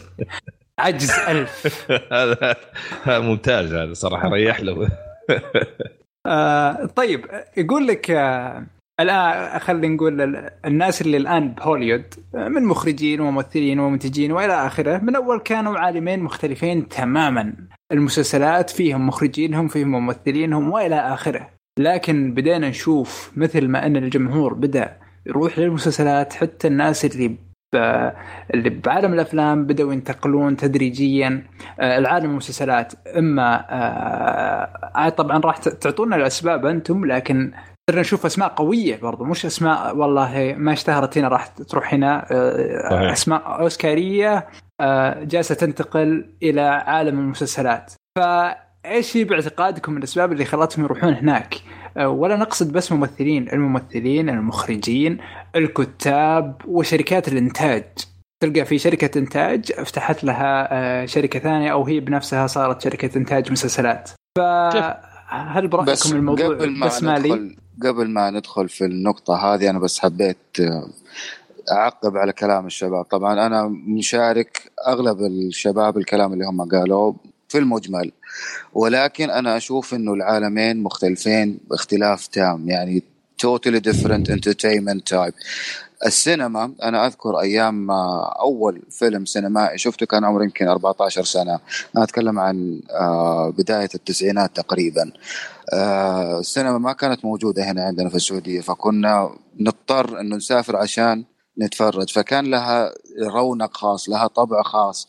لما تتابع الفيلم في السينما في المؤثرات في الصوتيات في حتى ال- ال- الفترة هذه كانت لسه المؤثرات البصرية محدودة بشكل ما بس مع التطور وصلنا إلى اللي وصلنا له الآن.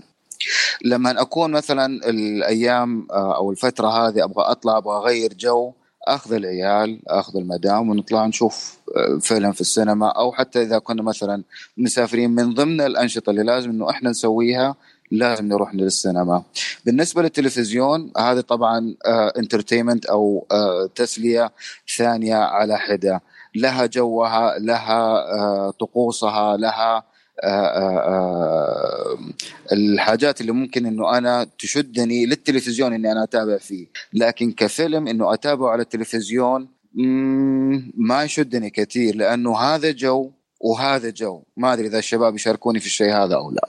ما هو المشكلة مع انها أجواء مختلفة. وإحنا متفقين في الشيء هذا. حتى التقنيات أصلا مستخدمة مختلفه أبو خالد. متفقين في الشيء ده. لكن لسوء المحتوى في الأفلام أو قلته خلينا نقول آه، عن العدد اللي كان زمان أصبح حتى الواحد اللي يبغى يستمتع حتى لو أنا مثلا لو أنا قدامي خيارات عندي 20 فيلم 20 فيلم في السينما اللي جنبي على سبيل المثال آه، يمكن. اثنين ثلاثة اللي حيعجبك هي اللي بالضبط. تشوفها. بالضبط. بينما أنا قدام شاشة التلفزيون عندي أفتح Netflix ولا أفتح HBO وعندي 70 مسلسل ممكن أبدأ أي واحد فيهم وح- وحستمتع أكثر من ناحية entertainment فيمكن هذا اللي فرق في الزمن هذا ولا هي كتير أنا معك بس كاستمتاع هنا له آه، استمتاع مغاير عن الاستمتاع اللي هنا آه، من حيث الجو من حيث التحضير للجلسة من حيث من حيث من حيث.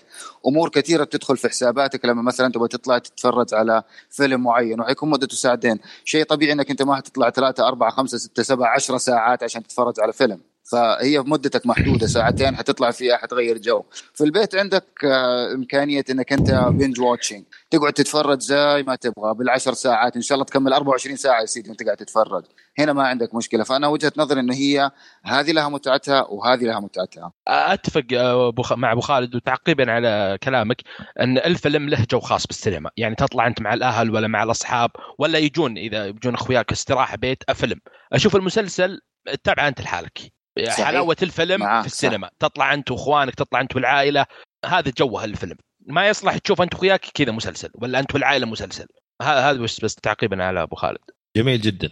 طيب آه عبد العزيز عشان الوقت حيداهمنا ولسه عندنا يعني محتوى. ضخم في الأفلام آه إيش في كمان أشياء نقاط تبغى تبغى تعطينا؟ هي أتوقع أغلب الشباب رأيهم واضح. آه، حنترك مجال آه، في الأخير آه على السريع اللي يبغى يضيف أي تعقيب. آه بس طيب. عندك أشياء يا من, من آه. الموضوع إيه ب- بعض ال- المحاور اللي- آه، راح تكون موجودة أسباب انتقال ال- ال- العالم ال- ال- الناس اللي بالأفلام إلى المسلسلات برضو كتاب الروايات وإصرارهم على أنها تكون آه، مسلسلات آه، برضو صرنا نشوف إن بعض الأفلام جالسة تتحول إلى مسلسلات أخيرا كعالم آه، أو كسينما آه، هل راح نشوف في سينما مخصصة الحلقات مسلسلات معينة آه، هل راح تعرض بعض الحلقات آه، مسلسلات معينة في السينما مثل ما صارت مع جيم ثرونز أعتقد العام أو قبل العام هي كان كانت. كفكرة كانت كفكرة بس ما ما ما, ما تم تطبيقها؟ لا واعتقد الموسم. الجاي موجود قائمه الفكرة. لكن هل هل راح تشوفونها راح تنجح؟ ممكن إن المسلسلات وفكرة ال- أو عفوا فكرة السينما وحضورها وإلى آخره آه، راح تنجح. آه، والله المسلسل ال- مثلا Breaking Bad قرر إن الحلقة الأخيرة راح تكون موجودة بالسينما وموجودة بالتلفزيون. آه، فلو صار لكم مثلا خيار مثل كذا هل آه، تروحون للسينما؟ وهل ممكن تصير السينما والله صحيح مخصصة بعض الأحيان للمسلسلات أو بعض المسلسلات. طيب بس لا آه، طبعاً. آه، هي. اسمح لي يا عبد الله بس شوي. تعقيبا على كلامك يا عبد العزيز أقرب مثال في الممثل الباتشينو آه، معروف في هوليوود وفي السينما راح أول مرة راح يطلع أتوقع في مسلسل من أمازون. النقطة الثانية يوم تقول إن الحين ليش إذا واحد عنده رواية ليش يروح يسويها مسلسل ليش ما يسويها في فيلم؟ أتوقع إنه يخاف إنه يفشل بالفيلم. إنه ما راح يسردها آه، كامل. الشخصيات والعالم ما راح يكفي في- ساعتين ولا ثلاث ساعات. فيضمن إنه يروح يحطها في مسلسل من عشر حلقات ولا من عشرين حلقة زي كذا. فيضمن إنها تنجح على الأقل. جميل. طيب آه، السؤالين الآن اللي انطرحوا من عبد العزيز عشان نرجع نأكدهم. السؤال الأول ليش أصبح في توجه من نجوم هوليوود في كل المجالات؟ مو بس ممثلين ينتقلوا للمسلسلات. إيش الدوافع؟ آه، والسؤال الثاني كان قلته قبل شوي عبد العزيز. إنه هل حيكون أو في تصوركم حيكون في مجال لبعض الحلقات آه، من مسلسلات مشهورة؟ انها تنعرض في دور سينما. حمر على كل واحد فيكم آه، أسرع وأكبر اختصار لإجابة أعطيني إياها. آه، عبد الله أبدأ معك. عبد الله موجود أنت ولا؟ خارج التغطية. طيب أحمد أجيك أحمد. آه، إجابة سريعة بس ترى على فكرة في موسم الجزء الخامس أو الجزء عفوا الجزء الخامس. قبل ما ينزل الجزء الخامس من Game of Thrones تم عرض الجزء الرابع في بعض صالات السينما في أمريكا ك أها. كتشجيع للناس لأن أنا كنت آه، في هذيك الفترة في أمريكا السينما ال AMC أعتقد أو شيء كانت آه، تعرض حلقات الجزء الرابع من Game of Thrones قبل ما ينزل ال- الجزء الخامس. صحيح لكن طبعا شوف ترى هذا موضوع أكبر من مجرد رأي على فكرة. ويمكن آه، عبد العزيز آه، وأبو خالد هم أدرى بما أنهم بحثوا في الموضوع. بس الموضوع آه، تجاري طبعا طبعا من طبعا. ناحية ال FCC يعني مو على كيفهم حق صناع المسلسلات والقنوات HBO وغيرهم يقدروا يخشوا دور العرض ودور السينما ويعرضوا فيها اللي يبغوه. موضوع أكبر بكثير من مجرد إيش رغبة المشاهد. ولكن لو نفترض إن الموضوع بيد المشاهد انت إيش تشوف؟ طبعا طبعا. آه، المسلسل الوحيد اللي ممكن ممكن أشوفه في قاعة سينما Game of Thrones لأن المؤثرات اللي فيه وال CGI والأصوات وهذا كله أحس ينفع على شاشة شاشه تلف... آه، عفوا شاشة سينما أو آه، جودة سينما. أما بشكل عام أفضل إني أشوفه مثلا في البيت أو ما عجبني هذا حلقة واسوي pause وقت ما أنا ابى هذه الأمور ترى تفرق كثير عن آه، مثلا إني أطلع أروح أشوف فيلم أو مسلسل في سينما. حلو. طيب من وجهة نظرك ليش أصبح في توجه من نجوم هوليوود؟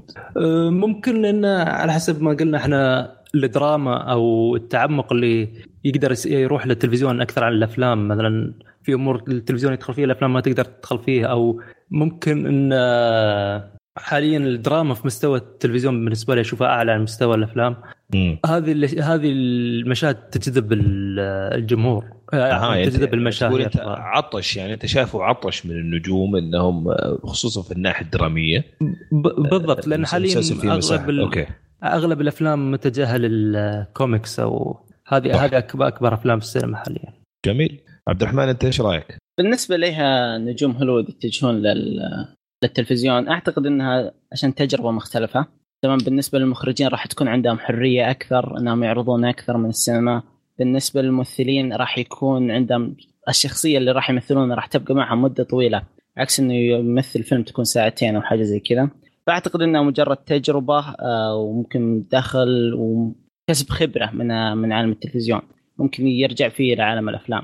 بالنسبة لعرض. المسلسلات بالسينما ما ما أعتقد إنه شيء ناجح. يا أخي ميزة المسلسلات إنك تشوفها في البيت وأحس السينما جوها أفلام لكن كمسلسل كامل إنه يعرض في السينما بس بش أعتقد إنه شيء سلبي لأن صعب الناس إنها تستمر تروح تتابع كل اسبوعيا اسبوعيا يروحون السينما عشان يتابعون حلقة. فأشوفه شيء ما راح ينجح ابدا. فالسينما أعتقد راح تبقى الأفلام لمدة طويلة. طيب لو حلقة واحدة مثلا الحلقة الأخيرة من Game of Thrones شيء زي كذا. يمكن اي أشوف هذا شيء ناجح. تجربة راح تكون تجربة مختلفة للمتابع يمكن تكون أفضل لأن لأن قاعات السينما تكون آه، الأصوات فيها ممتازة وأفضل من البيت بكثير. okay. طيب آه، شوف هي الموضوع أكيد له علاقة بالدراهم. لو حقين المسلسلات ما حيدفعوا لهم شيء قريب من الأفلام آه، آل باتشينو ما حيفكر يروح يسوي مسلسل.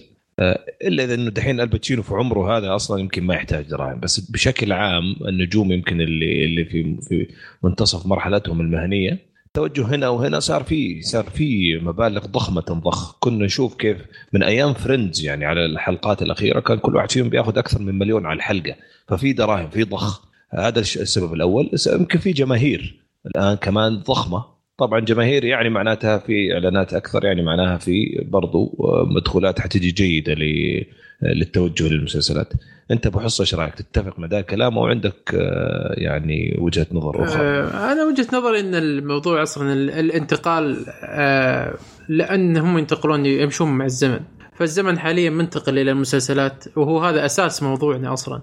إن ليش الناس منتقلة من الأفلام للمسلسلات وليش المسلسلات أخذت الجو هذا كله. فمع مع الزخم اللي صاير للمسلسلات آه، الممثلين وال- والمنتجين والمخرجين صارت عندهم فرص أكبر في إنهم يسوون مسلسلات أكثر من ما هو يصير له يجي أدوار أفلام. فالفرص صارت عندي كثير يعني تلقى مثلا عنده خمس خمس فرص أو عشر فرص إنه يمثل في عشر مسلسلات وفرصه وفرصتين يمثل بفيلم خايس أو فيلم يمثل فيلم دور مساعد مساعد. فأتوقع إن هذه هذه من أهم الأسباب. إن الفرص صارت أكثر في المسلسلات، المسلسلات صارت أنجح من الأفلام وصارت أسهل. مثل ما قال عبد العزيز التذاكر صارت 100 مليون بدل ما كانت مليار في الخمسينات. فهذا سبب جدا جدا كبير يخلي حقين صناعة الأفلام وصناعة هوليوود إنهم يتجهون للأفلام للمسلسلات عفوا. آه، بالنسبة للموضوع الثاني أنا صراحة شخصيا آه، أقول لا. ما ما أشوف انك كويس إنك تشوف آه، مسلسل على السينما آه، ممكن مثل ما أذكر الشباب ممكن حلقة واحدة من جيم ثرون تكون الخيره بس برضو ما احبذها هذه الحركة. لكن ما ما أشوف إن حالات المسلسل إنك مرتاح في بيتك وتناظر هذا اللي هذا اللي نجح المسلسلات عموما. ف ما ما في أمل الشخص اللي ما وده يروح يشوف الأفلام يروح يشوف مسلسل لأنه لو ما راح يشوف الأفلام ما راح يشوف المسلسل. لأن الأفلام عموما هي كلها من من العجز إنك تروح وتدفع تذكرة وتروح والتجربة أنت عايشها عندك في البيت. فما أتوقع إنه راح يكون موضوع ناجح جدا.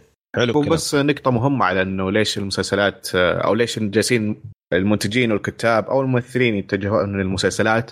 هو بالنسبة لو تشوف الإحصائيات آه، عدد الأفلام اللي جالسين ينتجونها من كل سنة جالس يقل أو ثابت يعني تقريبا الاستديوهات الكبيرة بآخر آه، السنوات انتاجاتها ما تتعدى 100 فيلم توصل 80 90 فيلم بالكثير. أما الأفلام كل سنة تزيد كل سنة يمكن تزيد 50 مسلسل جديد. آه، آخر سنة وصلت 487 مسلسل. فبالضبط زي ما قال أبو حصه ان الفرص بالنسبة للممثلين إنهم يطلعون بأفلام بمسلسلات أكثر من إنهم يطلعون في الكتاب إن كتاباتهم تطلع. أفضل من المسلسلات. يعني هناك ما يقبلون إلا بالأشياء اللي يتأكدون إنها أكيد إنها بتنجح. المسلسلات ممكن فيها مجازفة أكثر بالوقت الحالي. طيب آه طبعا عبد الله أكيد آه وبرضه وجود ال streaming services آه أثرت بكثير كمان من هذه الناحية صح ولا لا؟ إي صحيح لو تشوف القفزة الحين يعني بال streaming services آه، جالس اناظر ال chart حقتهم. الفرق بين كل سنة وسنة الضعف تقريبا بكمية الإنتاج. يا ساتر. هذا أكيد أكيد سبب عنيف. طيب أبو خالد عندك أنت مداخلة أيضا. طيب يا سيدي آه الموضوع لما تطالع له من منظور الممثل نفسه. الموضوع ينقسم إلى قسمين أو شقين. الشق الأول الفيلم قد إيش بتقعد فيه في ال production؟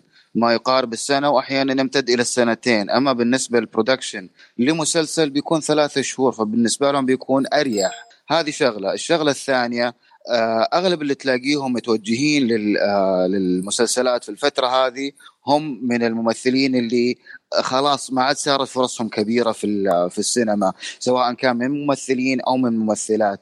آه، أغلب المتوجهين خصوصا في الفترة هذه الأسماء اللي كان لها اسم أو ما زال لها اسم في السينما ولكن إنه بدأ يخفت نجمها شيء يعني أقل من الفترة الماضية. فالشيء هذا بيخليهم إنه هم يتوجهوا للشيء المريح والشيء اللي ممكن يلاقوا لسه فيه جمهور مقبل عليهم. حلو فعلا. طيب آه، أتوقع ما شاء الله يعني تكلمنا في الموضوع بشكل مفصل. أتمنى ما يكون يعني مثلا وصل مننا آه، آه، فكرة إنه يعني إحنا ضد الأفلام. لا طبعا إحنا بنتكلم هذا كشكول أصلا بودكاست الأفلام. الأفلام ما زالت ممتازة. كويس إنه الشباب دائما بينقوا أفلام جيدة صراحة يتكلموا عنها فيها. لكن النقاش كان بشكل أوسع من ناحية صناعة هذا النوعين المختلفين من الترفيه. وليش صار التوجه هنا أفضل وطبعا هو مو هو رأيي صراحة كشكول لكن الأرقام تتكلم يعني إحصائية التذاكر اللي كانت تنباع قبل كم سنة آه، أكثر من مليار الآن ما توصل حتى 200 مليون على مستوى مثلا أمريكا. آه، قبل أختم وننتقل إلى أول فيلم معانا اليوم آه، عبد العزيز بما إنه الموضوع بدأ من عندك تحب تختم بأي شيء في الموضوع؟ بالنسبة والله صراحة العالم المسلسلات والأفلام كلها يعني أحد أفضل الأشياء الترفيهية اللي, اللي هي موجودة الآن وافضل شيء إن الواحد يستمتع فيهم الاثنين. آه وفقط صراحة لا حلو. المنافسة حلوة يعني. بس عندي توضيح ترى بالنسبة للتذاكر المباعة. آه، ترى إيه؟ إلى الآن آه، مرتفعة يعني فوق المليون. بس هي نزلت صراحة من بعد سنة 2006 وهي جالسة تنزل. بس أول كانت فوق المليون بليون ونص الحين صارت بين البليون والبليون ونص. طبعا شوف هي الأرقام ال- ال- ال- الصادمة كانت على مستوى أمريكا آه، الآن ال- أمريكا. إيه إيه يا هي في لا، أمريكا لكن على فكرة إيه. الحين جالسة تزيد من آخر سنتين الحين جالسة تزيد ممكن ما أدري صراحة. النظر إنه الربح إيه. مرتفع ما وقف ارتفاعه جميل جدا آه بس الصدمة كانت في في, يمكن في ال في ال يعني آه، في الخط الزمني اللي ذكرناه. هناك كانت الحين هي رجعت اتحسنت كثير خصوصا مع دخول مارفل والسوبر هيروز. بس في الخط الزمني هذاك في في فرق واضح آه، في آه، في الأرقام اللي تكلمنا عنها. على أي حال آه، يعطيكم العافية شباب. الموضوع كان شيق. تكلمنا فيه عن آه، أكثر من من من تفصيل. آه، خلونا نقفل على آه، هذا القسم آه، اللي هو موضوع حلقة اليوم وننتقل إلى أول فيلم نبغى نتكلم عنه اليوم فيلم وندر. آه، آه، حيقدم الفيلم. أبو حصة أعطيك المجال. طيب شكرا شكرا أبو حسين. آه عندنا اليوم فيلم Wonder فيلم آه دراما وفيلم family. آه يتكلم عن آه طفل آه أو ولد بطريقة آه ولد يعني مشوه ومرض ولد في مرض بس ما ما أدري شو اسم المرض صراحة ما يحضرني حاليا. آه فالقصة تدور آه، حول هذا الطفل اللي هو أوغست بولمان وكيف يواجه الحياة مع هذا المرض المرض اللي هو شوه وجهه وبالعمليات التجميل وبالعمليات ال- ال- الحديثة هذه حاولوا بقدر الإمكان أنهم آه، يحسنون من من من وجهه أو من شكله آه، فالفيلم يحكي قصة ال- الطفل هذا وكيف آه، يدخل المدرسة أو الصف الخامس بعد ما كان حياته كلها home schooling أو تدريس منزلي آه، فالفيلم ياخذنا من هذه النقطة آه، إلى إلى آخر حياته. آه، الفيلم من إخراج ستيفن تشبوسكي آه، اللي أخرج آه، فيلم Perks and Wallflower وأخرج Beauty and the Beast برضو آه، أو كتبها عفوا. آه، الفيلم من تمثيل آه، أوين ويلسون وتمثيل جولي روبرتس وجيكوب تر- ترمبلي اللي مثل في ال- الطفل اللي مثل في فيلم روم. آه، الفيلم آه، يعني أعجب النقاد بشكل كبير فأخذ في IMDb 8.10 وميتا كريتك 66% وروتن توميتو 84% آه، طيب بما أن ال ال ال أنا اللي مختار الفيلم وكان أكبر معارض لي عبد العزيز. آه، عطني رأيك يا عبد العزيز في الفيلم. وش وش اللي شفته؟ وش اللي ما أعجبك بالفيلم آه، عبد العزيز مو موجود الحين. لا موجود. آه لا هذي. آه بالنسبة لل آه الصراحه الفيلم هذا آه. أقدر أشبهه ب الأفلام اللي تعطيك آه بعض ال- ال- ال- الأحاسيس ال- ال- الحلوة لما تخلصه تعطيك شوية أمل تعطيك مشاعر آه تخليك أقرب إنسانية آه أو أكثر إنسانية أقدر اعطيه مثل ال- ال- الفيلم اللي كان تبع شون بين أو مثلا مثل The Blind Side The Blind Side أو مثلا مم. فيلم اللي كان فيلم إيجابي يعني فيلم يعطيك هذه المشاعر Yeah. فأنا هذا اللي أقدر أقوله عنه صراحة. آه فكان فيلم درامي آه كبير آه طلعت له أصداء حلوة وقت نزوله خصوصا مع الحالة الإنسانية هذه لما حتى طلع طلعت الشخصية الأساسية وتم أو مع الممثل هذا. فهذا اللي نقدر أقوله عن الممثل أو الفيلم نفسه. لامسني بالمشاعر أكثر ما هو لامسني بالنقد يعني أو أو والله كفكر أو كمنطق بال quality حقته يعني. إي نعم إي نعم. جميل جميل. آه، أبو عابد. آه، صراحة. فيلم لطيف فيلم آه، عائلي. في مشاعر كثيرة. يعني أنت تتفرج أحيانا يعني أكيد إنك بتضحك أكيد إنك بت... ممكن تحزن ممكن تبكي.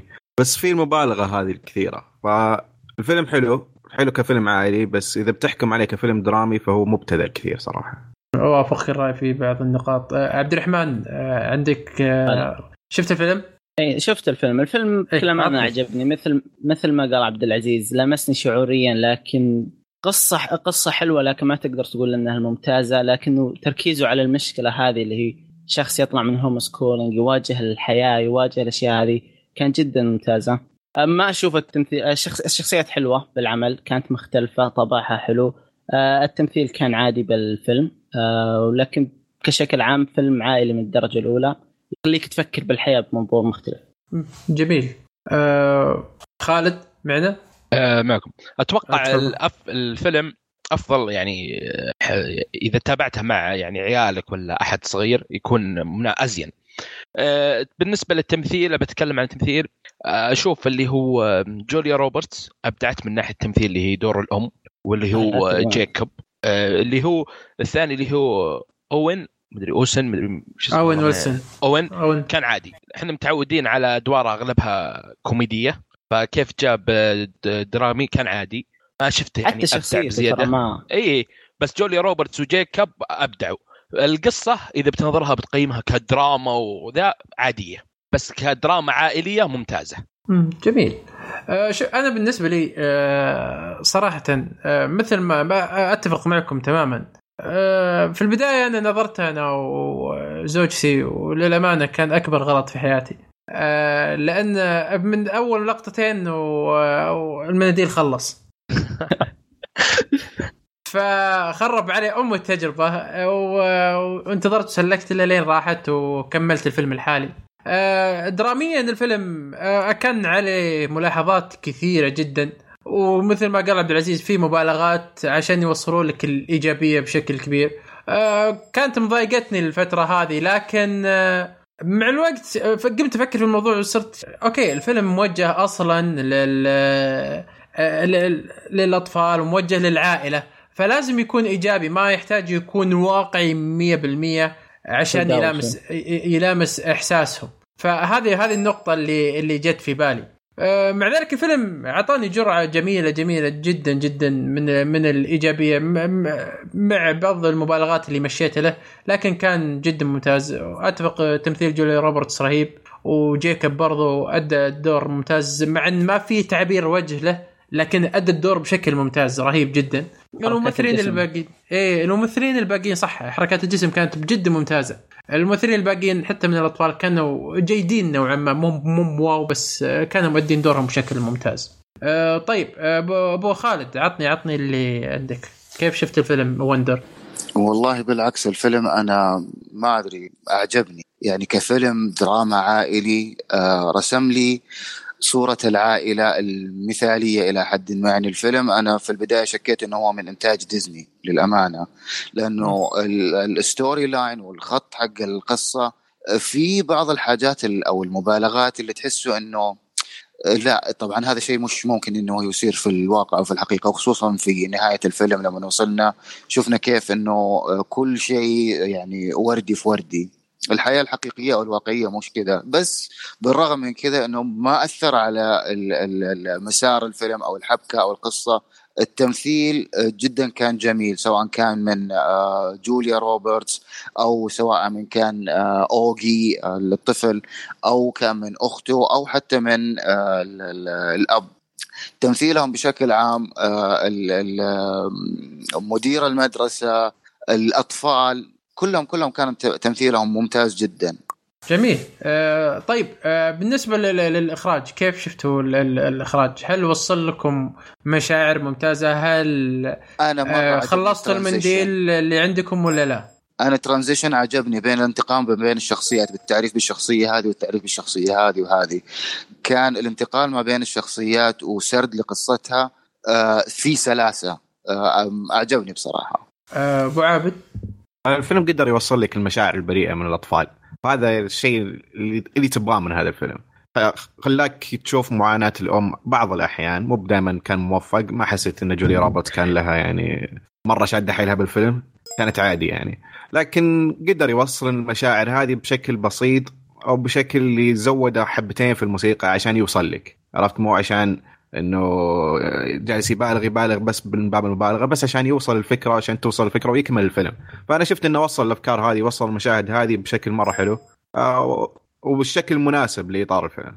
جميل. آه طيب آه ال- ال- الفكرة آه. العامة للإخراجية آه إنه كيف جان آه جاب لك الفيلم من وجهات نظر مختلفة. هل هذا الشيء كان ممتاز ومميز ولا لا بالنسبة لكم؟ آه عبد العزيز. والله صراحة أشوف الفيلم كان يعني آه كثير آه ستاندر يعني ما كان فيه أشياء والله بدأيه بقوة أو إنها أشياء ضعيفة ك- كثير. ال- المخرج مشى تبع الر- الرذم حق الفيلم وكان أدى كويس يعني.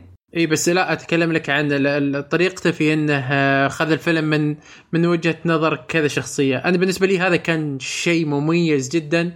وميز لي الفيلم معك. إي، ميز لي الفيلم عن باقي الأفلام ال- الفاميلي اللي بال أو باقي الأفلام العائلية والدرامية ال- الموجودة، فهذه أنا بالنسبة لي نقطة تحسب لل- للمخرج بشكل كبير جدا. وكان شيء رهيب إنك تشوف ال- القصة من منظور شخصيات كثيرة آه، بطريقه بطريقة المخرج نفسه. آه، فأحمد أنت كيف شفت طريقة الإخراج هذه؟ لا أنا اولا الفيلم الصراحة أضم رأي مع أبو خالد. الفيلم عجبني جدا. آه نفس ما قال أبو خالد النهاية وردية بس بداية الفيلم كان أول ما الف- آه جيكوب أعتقد اسمه دخل المدرسة آه، وكيف أوغست. اوغي أوغي. آه، أول كيف ما دخل المدرسة نظرة الطلاب له و... وكيف تاثيره عليه لما رجع البيت مثلا أو هذا. آه، ولاحظنا خلال الفيلم كيف تطور الشخصية كيف عاش مع الأجواء هذه. ليه ما وصل للنهاية الوردية؟ طبعا نفس ما قبل ومن ناحية انه أكثر عن نظرة في الفيلم آه، عجبتني كثير بعد انه أعطاك نظرة آه، الأخت كيف آه، تشوف اهتمام الاب والأم في أخوها أكثر منها وكيف تأثير هذا الشيء عليها. في النقطة كان الصراحة عجبني الموضوع الوضع هذا. يعني عيشني بس ما حسيت فيها الجو. مبالغة شوية إنه إيثار الطرف الآخر على النفس إنه مهما كان إنه أوكي أخويا بس حيكون في غيرة إنه طيب وأنا أنا بنتكم ما حسيت الشيء هذا؟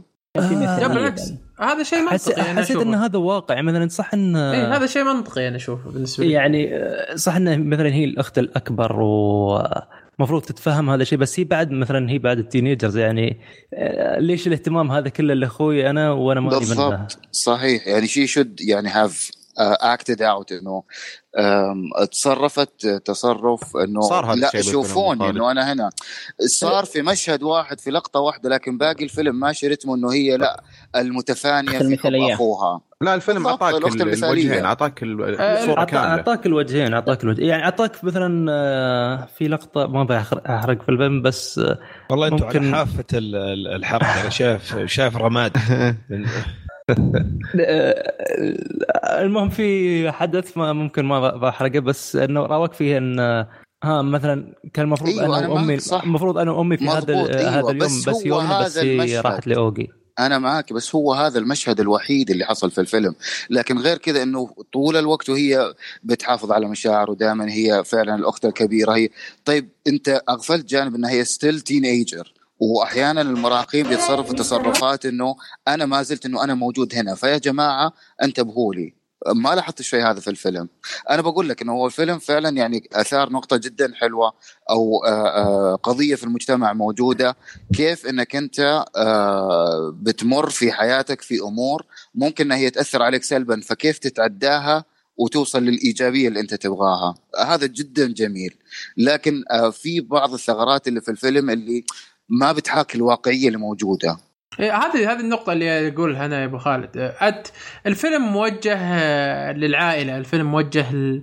ل... لل... يعني للتينيجرز وموجه لل... للأطفال يعني من عشر سنوات أو وفوق. صحيح صحيح. فما يحتاج أنت تسوي لي آه، واقعية زيادة آه، عشان توريهم الواقع بشكل كبير. تحاول تح- توريهم الأمور مش زيادة أكثر. لا لا ابدا مش زيادة. أنت أعطيني جانب واقعي وجانب ممكن يكون مثالي. آه، هذا هو هو جايب لك كذا أنا شفته كذا. آه، أنا شفت أدري، كذا. في في بعض المثاليه مثالية زايدة صح. لا لا أوافقك الرأي. في في مثالية زايدة مرة مرة. آه، بس أنا قلت لك هذه هذه النقطة. و- بس هذا يعني ال- ال- النقطة هذه هي اللي كانت آه، آه، تقريبا بالنسبة لي أسوأ شيء يعني. سيئة وممتازة في نفس الوقت و- وتقدرة يعني في نفس الوقت. لكن آه، أتوقع كذا غطينا جميع جوانب ال- ال- الفيلم. آه، أعطونا رأيكم النهايه هل تنصحون فيه ولا لا؟ وليش؟ وش السبب؟ آه، أبو خلو أبو خالد عطني وش تنصح فيه أنا؟ أنصح أنا أنصح وخصوصا المشاهده الجماعية إذا كنت تتفرج مع أسرتك. مناسب جدا. جميل. عبد العزيز؟ أم، لا ما أنصح. ما أنصح صراحة. ليه؟ أه، لأن في أفلام مشابهة أفضل الصراحه جميل. آه، عبد الله؟ الفيلم حلو إنك تشوفه مع عائلة أو تشوفه مع زوجتك أو أي أحد كذا يعني. بس إنه تشوفه كفيلم درامي لا ما أنصح. بس كأفلام كذا عائلية أي، طبعا. آه، أحمد؟ آه أنصح أنصح بالفيلم فيلم عائلي جميل جدا. عجبني الصراحه مع إني شفته وحدي يعني بس عجبني جدا. خالد؟ آه، أنصح فيه إذا بتشوفها مع مثلا أخوانك الصغير الصغار ولا عيالك. بس إذا تشوفها لحالك لا. طيب عبد الرحمن؟ أكيد انصح به فيلم عائلي وجميل بنفس الوقت ومميز بشوفه وغطى أكثر من شخصية. جميل. أنا أنا بنفس الشيء اوافقكم رأي. أنا أنصح فيه. آه، حتى لو كنت لحالك فيلم ممتاز يعطيك جرعة. آه، لا تدقق بشكل كبير على الدراما الموجودة. حاول تتغاضى عن بعض المبالغات الموجودة بالفيلم والمثاليات. وبتشوف فيلم يعني يعطيك جرعة إيجابية ممتازة جدا جدا. جميل جدا. كذا خلصنا. عط س- تفضل أبو حسين. يعطيك ألف عافية أبو حصة. يعطيكم العافية شباب. بس في كم واحد منافسين يمكن عبد العزيز وعبد الله شوية. عبد العزيز يعني ماني ما آه، مو أنصح بشيء مو بشيء جديد؟ يعني. مو بشيء جديد. ما, ما انصح وخلاص روح شوف فيلم ثاني أحسن منه. طيب لا طيب، تذكرني يعطيك من قبل من قبل ال- هذا قتال على تصويت آه، ما يحتاج ما يحتاج. يديك العافية يا شباب يعطيكم العافية. بس الفيلم اوفر يعافيك. يعني شكله ينشاف. أنا من النقاش آه، ممكن أشوفه صراحة بالعائلة. طيب فيلمنا الثاني برضو فيلم آه، يعني ممتاز جدا كان في السنة هذه. ما أدري إذا كان فيلم ممتاز حنسمع رأي الشباب الآن بس على الأقل من الصدى الاعلامي اللي سواه الفيلم آه، كان اسم ضخم Star Is Born عبد الله قدم الفيلم آه، واعطينا نبذة عنه على السريع قبل لا نخش في النقاش. أوكي آه فيلم Star Is Born من ك... من كتابة وإخراج برادلي كوبر وبرضه بطولة برادلي كوبر وليدي جاجا. آه الفيلم قصته عن آه مغني آه اسمه جاكسون ماين. آه مغني في تقريبا في نص حياته المهنية أو في أواخرها خلينا نقول. آه يعاني من آه إدمان الكحول مشاكل آه نفس مشاكل صحية كثير. آه وأشياء يعني علاقات متدهورة مع حياة بحياته. وبيوم من الأيام يروح لحانه أو بار ويشوف واحدة تغني اسمها آلي. آه، ويعجب بصوتها ويعجب فيها. ومن هنا تبدأ علاقتهم إنه يحاول يساعد آلي إنها تبدأ حياتها المهنيه كمغنية. جميل. طبعا الفيلم نزل السنة هذه. آه، إيش تصنيف الفيلم عبد الله؟ آه، الفيلم دراما ممكن تقول موسيقي. ميوزيكال ترى بس الفيلم دراما. music مش mu... music مش musical مو music مش مش music musical أيوه. صحيح. يعني مو يعني زي طريقة لا لا لاند لا. فيلم لا، لا، موسيقى مو وليس مش موسيقي. خلاص وضحت الفكرة. حلو. و romance. الفكرة لأن ترى نفس الفيلم له أجزاء قبل اللي هي ستارز بورن في السبعينات أتوقع و يا صحيح. إيه. صحيح. هو نزل من Star Is Born يمكن هذا رابع فيلم من Star Is Born وكل مرة تقريبا القصة تكون متشابهة لكن طريقة عرضها مختلفة. فمثلا من قبل كانت عن ممثلة وأشياء كذا فالتوجه حقها يختلف من. من فترة لفترة. وهي بس أساس القصة يكون متشابه. آه طيب دام جبتوا أشياء متشابهة في برضه منه نسخة هندية ويمدحونها بشكل كبير الصراحة هندية هذا است- استهبال ولا تكلم جد الآن؟ لا جد. ويقولون آه، أفضل أوكي. من هذا بكثير يعني وجديد الفيلم مش قديم اي حلو. افلام قديمة مرة يعني هم من بادي الظاهر من الأربعينات والخمسينات صحيح؟ خمسينات لا إيه آه، آه، 54 وأشهر واحد من الأفلام القديمة كان حق باربرا ستايسد بالسبعينات باربرا ستراشان طيب بس هو أنا بس أبغى أتكلم على نقطة على السريع. يعني برادلي كوبر الفيلم يعني معناته هو أنا استغربت في البداية لما عرفت إنه هو أحد كتاب ال- ال- الفيلم بس بس الآن فهمت يعني هو أصلا ما ما هي original أو ما هي قصة نعم. آه، هو استحدثها أو ألفها. مم. مجرد إنه كتب قصة متداولة كتبها هو كتابة للفيلم هذا. كتبها وأخرجها. وأخرجها إيه إيه، آه أوكي. لا لأن أنا هو هو عطى جوانب ثانية بالقصة هي خذ نفس الفكرة نفس الش... ال- الفكرة إنه مغني أو شخص ناجح في مجال مهني أو فني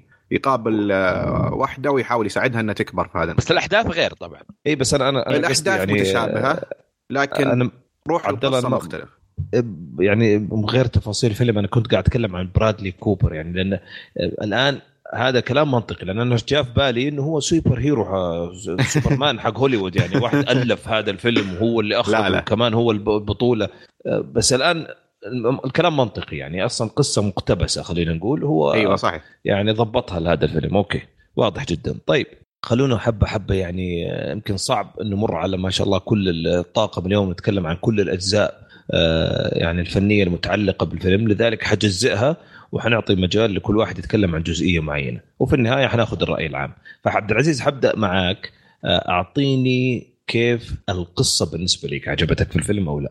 والله آه القصة ال- ال- الفكرة الأساسية اللي تم استنساخها كانت جميلة ولطيفة. وعلى فكرة أنا من محبين أفلام الموسيقى أو حتى الموسيقية. يعني أعتقد شفت جزء كبير منها. آه فالقصة تبع الرومانس هذه كانت لطيفة ولو أن فيها أشياء آه غير منطقية وأشياء غير واقعية آه وتفاصيل آه الكتابة آه، ما أعجبتني وكانت آه، تخل بالقصة والغريب بالموضوع إنها كانت إضافات برادلي كوبر نفسه لأن الأشياء هذه ال- ال- الأشياء اللا منطقية وهذا بالقصص ال- ال- هذه كانت تختلف فيبدو إن. إضافات برادلي كانت هي مناطق الضعف آه، بالسيناريو.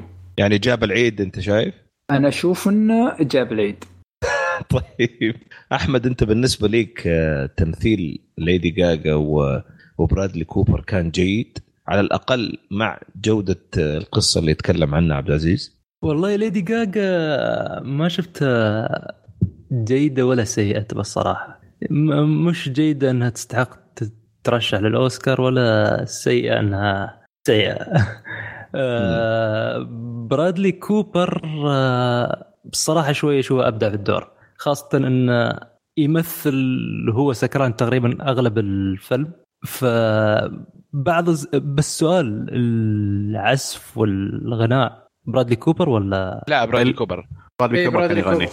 إيه. كله كله هو اللي حتى اللي يعزف. إذا عزف وغناء الصراحه أشوفه ما توقعت توقعت اسوء عن كذا بس ما شاء الله بالنسبة لي أشوفه أبدع في الغنى خاصة إنه مش مغني هو وعزف ما أعرف إذا كان يعزف سابقا ولا بس جلس سنة كاملة يتدرب على العزف وال- وال- والأغاني.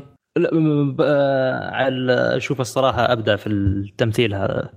آه، يستحق. يعني- يعني بشكل عام تمثيل الفيلم سواء من الاثنين هذول أو حتى من باقي ال- ال- الممثلين اللي شفناهم. أنت شفته كان فيلم بشكل عام التمثيل فيه جيد والحوار خصوصا إنه أنت أنا أعرفك تهتم في الحوار. ب- بشكل عام التمثيل الممثلين الآخرين صراحة ما أتذكر في غيرهم ال- بس آه، من حرام ناحيه عليك. برادلي كوبر آه، من فيه؟ أخوه. حرام عليك. أخوه. طيب. سام سام إليوت كان أعظم شيء بالفيلم. من سام؟ أخو أخوه. برادلي كوبر. اخو أخو مدير. الأعمال تبع برادلي كوبر. أتفق أتفق. صح صح. عفوا راح. بس آه، بس بس لا لا. بس بس لسه أشوف برادلي هو اللي مغطي في التمثيل بالنسبة لي أنا. طيب. من أسلم. لا بس آه، من ناحية الحوارات وهذا في بعض الحوارات الجميلة خاصة مع سام أما حوارات في كذا حوار مع ليدي جاجا ما ما كان بالنسبة لي شدني بهذيك أحاول إنه يشدني بس آه، في أشوفه زيادات في بعض الحوارات وبعض التمثيل حا- احاول إنه يجذبني زيادة فيه بس ما ما مبالغ نجح يعني، بالنسبة لي. بالضبط مبالغ فيه. okay. يمكن حسيت أنا بعض الأشياء زي كذا. طيب آه، خالد آه، بالنسبة لك آه، الفيلم يعد إيجابي ولا سلبي بشكل بالنسبة عام؟ لي الفيلم كان مفاجأة صراحة. يا آه، ساتر. آه، إي والله قاعت تسليك عشان جمهور ليدي جاجا عشان ينجحون الفيلم. آه، بس بالنسبة لي دائما أنت يعني تلقط المؤامرات. آه، أيوه أيوه هذه جبتها صراحة. آه، يعني أقدر أقول هذا أفضل فيلم من يعني تمثيل برادلي كوبر يعني مثله أتوقع أقدر أقول كذا من وجهة نظري. شفت Silver Linings Playbook إي نعم شفته. اللي مع American Sniper شفت American Sniper Sniper شفت American Sniper طيب حلو. اذا رأيك نحترمه. استمر. آه بالنسبة لي عندي مشكلة بسيطة اللي هي أول نص ساعة من الفيلم كان في قرارات مستعجلة سريع سريع. آه يعني من من أشياء ما بيحرق طبعا. تمثيل ليدي جاجا ممت... جيد. آه، تترشح بس ما تفوز. يعني كبداية يعني إذا كانت على تمثيلها زي كذا وراح تطلع ممتاز جدا.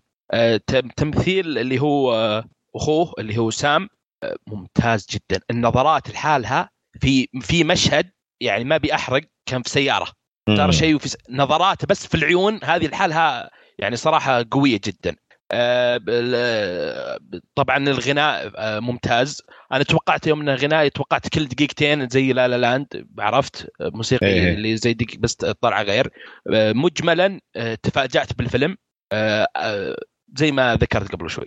طيب جميل. أبو حصة بالتحديد على قضية ال- الأمور الأخرى المساعدة للفيلم، يعني لا تكلمني عن القصة، تكلمني عن التمثيل، كلمني عن الموسيقى، عن الإخراج، عن الأمور هذه. أنت كيف شفتها؟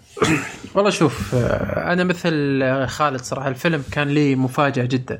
آه، أنا ما كنت متوقع صراحة بشوف شيء بهالمستوى ال- اللي أنا شفته. الفيلم آه، خذني برحلة جميلة جدا جدا آه، آه، من البداية إلى النهاية. آه، أوافق آه، خالد كان فيه شوية تسرع في بعض الأحداث. آه، لكن آه، كرحلة كاملة آه، كان الفيلم جميل جدا من جميع النواحي. برادلي كوبر صراحة أبدع أبدع جدا بالإخراج. آه، خصوصا في بعض ال- ال- ال- الكونسرت أو الحفلات آه، حسسني صدق آه، إني إني داخل الحفلة. إني شخص جالس أغني في الحفلة. آه هذا هذا الشيء جدا جدا صعب آه، يعني إن أي مخرج يسويه. أنا شفته في أفلام كثيرة عن عن مغنيين ما ما في أحد حسسني صراحة إني داخل الحفلة وإني شخص مغني زي زي برادلي كوبر.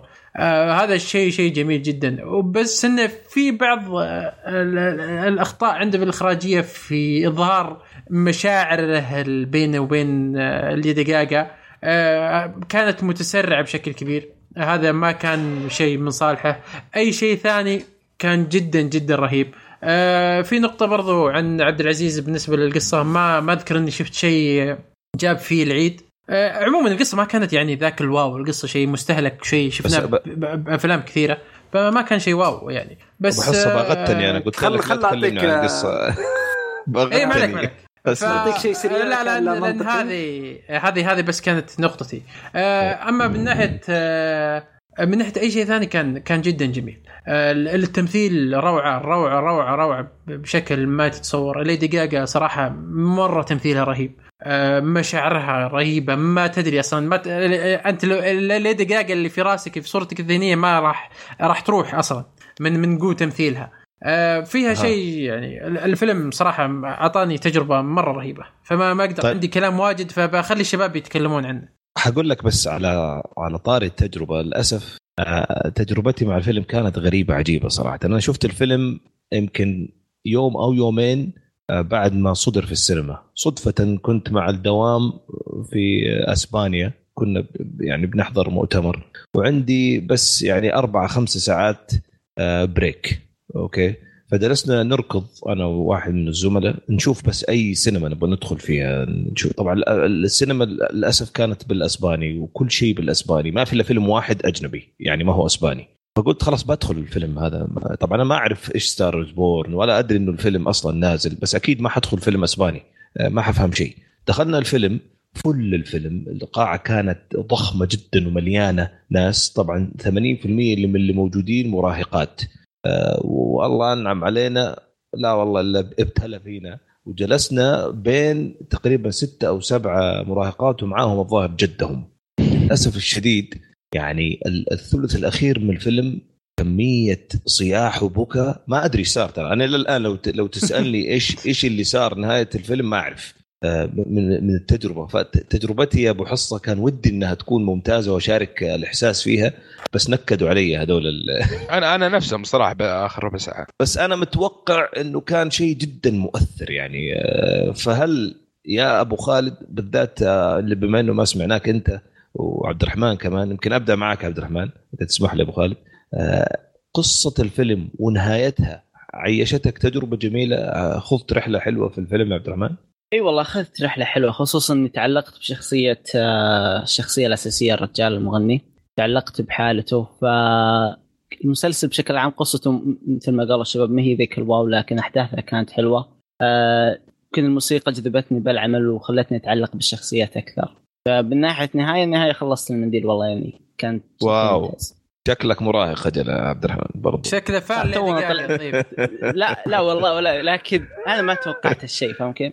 لا لا لا ولا جميل سمعت جميل الفيلم جدا ولا شيء. صراحة جميل okay. جدا يعني ال ال ال يعني ال النهاية يعني worth the لا، trip لا. اللي اخذتها بالفيلم اي اي اي بس صح ما انتبهوا ما نبغى نحرق يا. شباب آه، لكن لا لا ما آه، عليك إيش أكثر شيء جذبك عبد الرحمن التمثيل آه، انت قلت القصة كانت عادية بس هل التمثيل ولا إيه. الموسيقى ولا العنصر أنا- المفاجئ لأن أنا بالنسبة لي متفاجئ ترى إنه مرة عجب خالد بس أكيد عجبه مرة. لأن توقعاته كانت زي الزفت يمكن توقعات كانت مرة تحت فلما شافوا لذلك شافوا أسطوري يعني يمكن يمكن أنا أقول ما أدري آه انت أنا- أنت بالنسبة أنا- لي كيف؟ حلو أنا واحد من الشباب تابع الفيلم بالسينما وجاء قاعد يسبه عندي فاهم كيف؟ فكرت إني ما أتابعه لكن يوم جاء عشان البودكاست من البودكاست تابعته وصدمني بكل امانه يمكن أكثر شيء شدني بالفيلم الموسيقى. الموسيقى عجبتني. على طول رحت بعد Spotify وحملت الألبوم كامل. وافق وأيضاً- رايي أنا عندي ال- عندي إيه. الألبوم حاليا حق ال soundtrack كله. جدا ما توقعت ال... أنا قالوا لي أصلا ما أسمع ليدي جاجا أنا فاهم كيف؟ لكن بعد الفيلم هذا عشقت الموسيقى منه. طيب. بالذات الأغنية اللي غنوها اللي هي original ف... مع بعض. اي اي إيه. okay. جميل. طيب آه الآن حاعطي المجال آه أبو خالد برضو تعطينا رأيك. أثناء رأي أبو خالد آه كل واحد يحضر 30 ثانية فقط لكل واحد يقفل فيها رأيه عن الفيلم. فخليكم جاهزين بينما نسمع رأيك أبو خالد. إيش ترى الأشياء أبو- ترى عبد الله ما سمعنا رأيه على فكرة. اللي عجبنا عجبتنا في الفيلم. لا كيف ما سمعنا رأيك؟ عبد الله هو اللي. قدم الفيلم. بس ما قال رأيه. هو دحين في ال 30 ثانية خلاص. يلا يلا أبو خالد أعطينا. والله أنا محتار صراحة في كلامكم. في ناس رفعت فيه وناس خفست فيه. طبعا في البداية لما اقترح عبد لا ما العزيز- أعتقد أحد خفس. يعني الشيء السلبي ترى اللي إيه انقال لا- فقط إيه من لا من عبد العزيز. مع لا من- من النفسية. الفيلم ترى. أعجبني الفيلم أنا. لكن آه، يعني بس عشان لكن إذا ما قال شيء طيب سلبي ما يصير عبد العزيز. حسكت حسين مستقعد؟ لعبد العزيز. سؤال بس. يلا اسال سؤال أسأل مين ابو اللي حيستلم المايك؟ بس اسهل أنت. تفضل تفضل. أبو تفضل. فللأمانة كده مشاعري كانت ملخبطة. في البداية أول ما إنه عبد العزيز اقترح الفيلم قلت يا الله another musical movie ليش كده؟ طبعا آه، بحكم إني أنا big big big fan of ليدي جاجا فقلت "مم، okay why not لما شغلت الفيلم أول ما شغلته على طول على concert كده وشفت برادلي كوبر وقاعد آه، يعزف على الجيتار قلت الله هذا الجو كذا بدينا؟ طيب الله يستر. طبعا آه مع بداية الفيلم وأنا نفسيتي كده مشحونة وكيف حيطلع الفيلم شوية شوية بدأ يشدني الفيلم شوية شوية دخلت أجواء الفيلم لاحظت إنه هو الفيلم لا مش مش مش اللي أنا متخيله ابدا قلت طيب نكمل نشوف فين نوصل. طبعا أنا ما أحب إن أنا أشوف آه، فيلم يكون جودة واطية ومش جودة واطية مش عارف إيه دخلت على طول على اي تونز وحملت آه، الفيلم اشتريته قلت لازم اني أنا أتابعه بشكل سليم فاللي حصل إنه وصلت إلى نص الفيلم وأنا دمعتي على خدي قلت لا كده ما ينفع قلت أخلص من البودكاست وأرجع أكمله على روقان ها يعني أنت ما كملت الفيلم الآن أنا وصلت إلى دقيقة 49 وقت ما ودمعتك طلعت. لا لا ودمعتك وقت. على خدك إلى. الآن تخ... لسه ما أنا. خل... أنا خلص الكرتون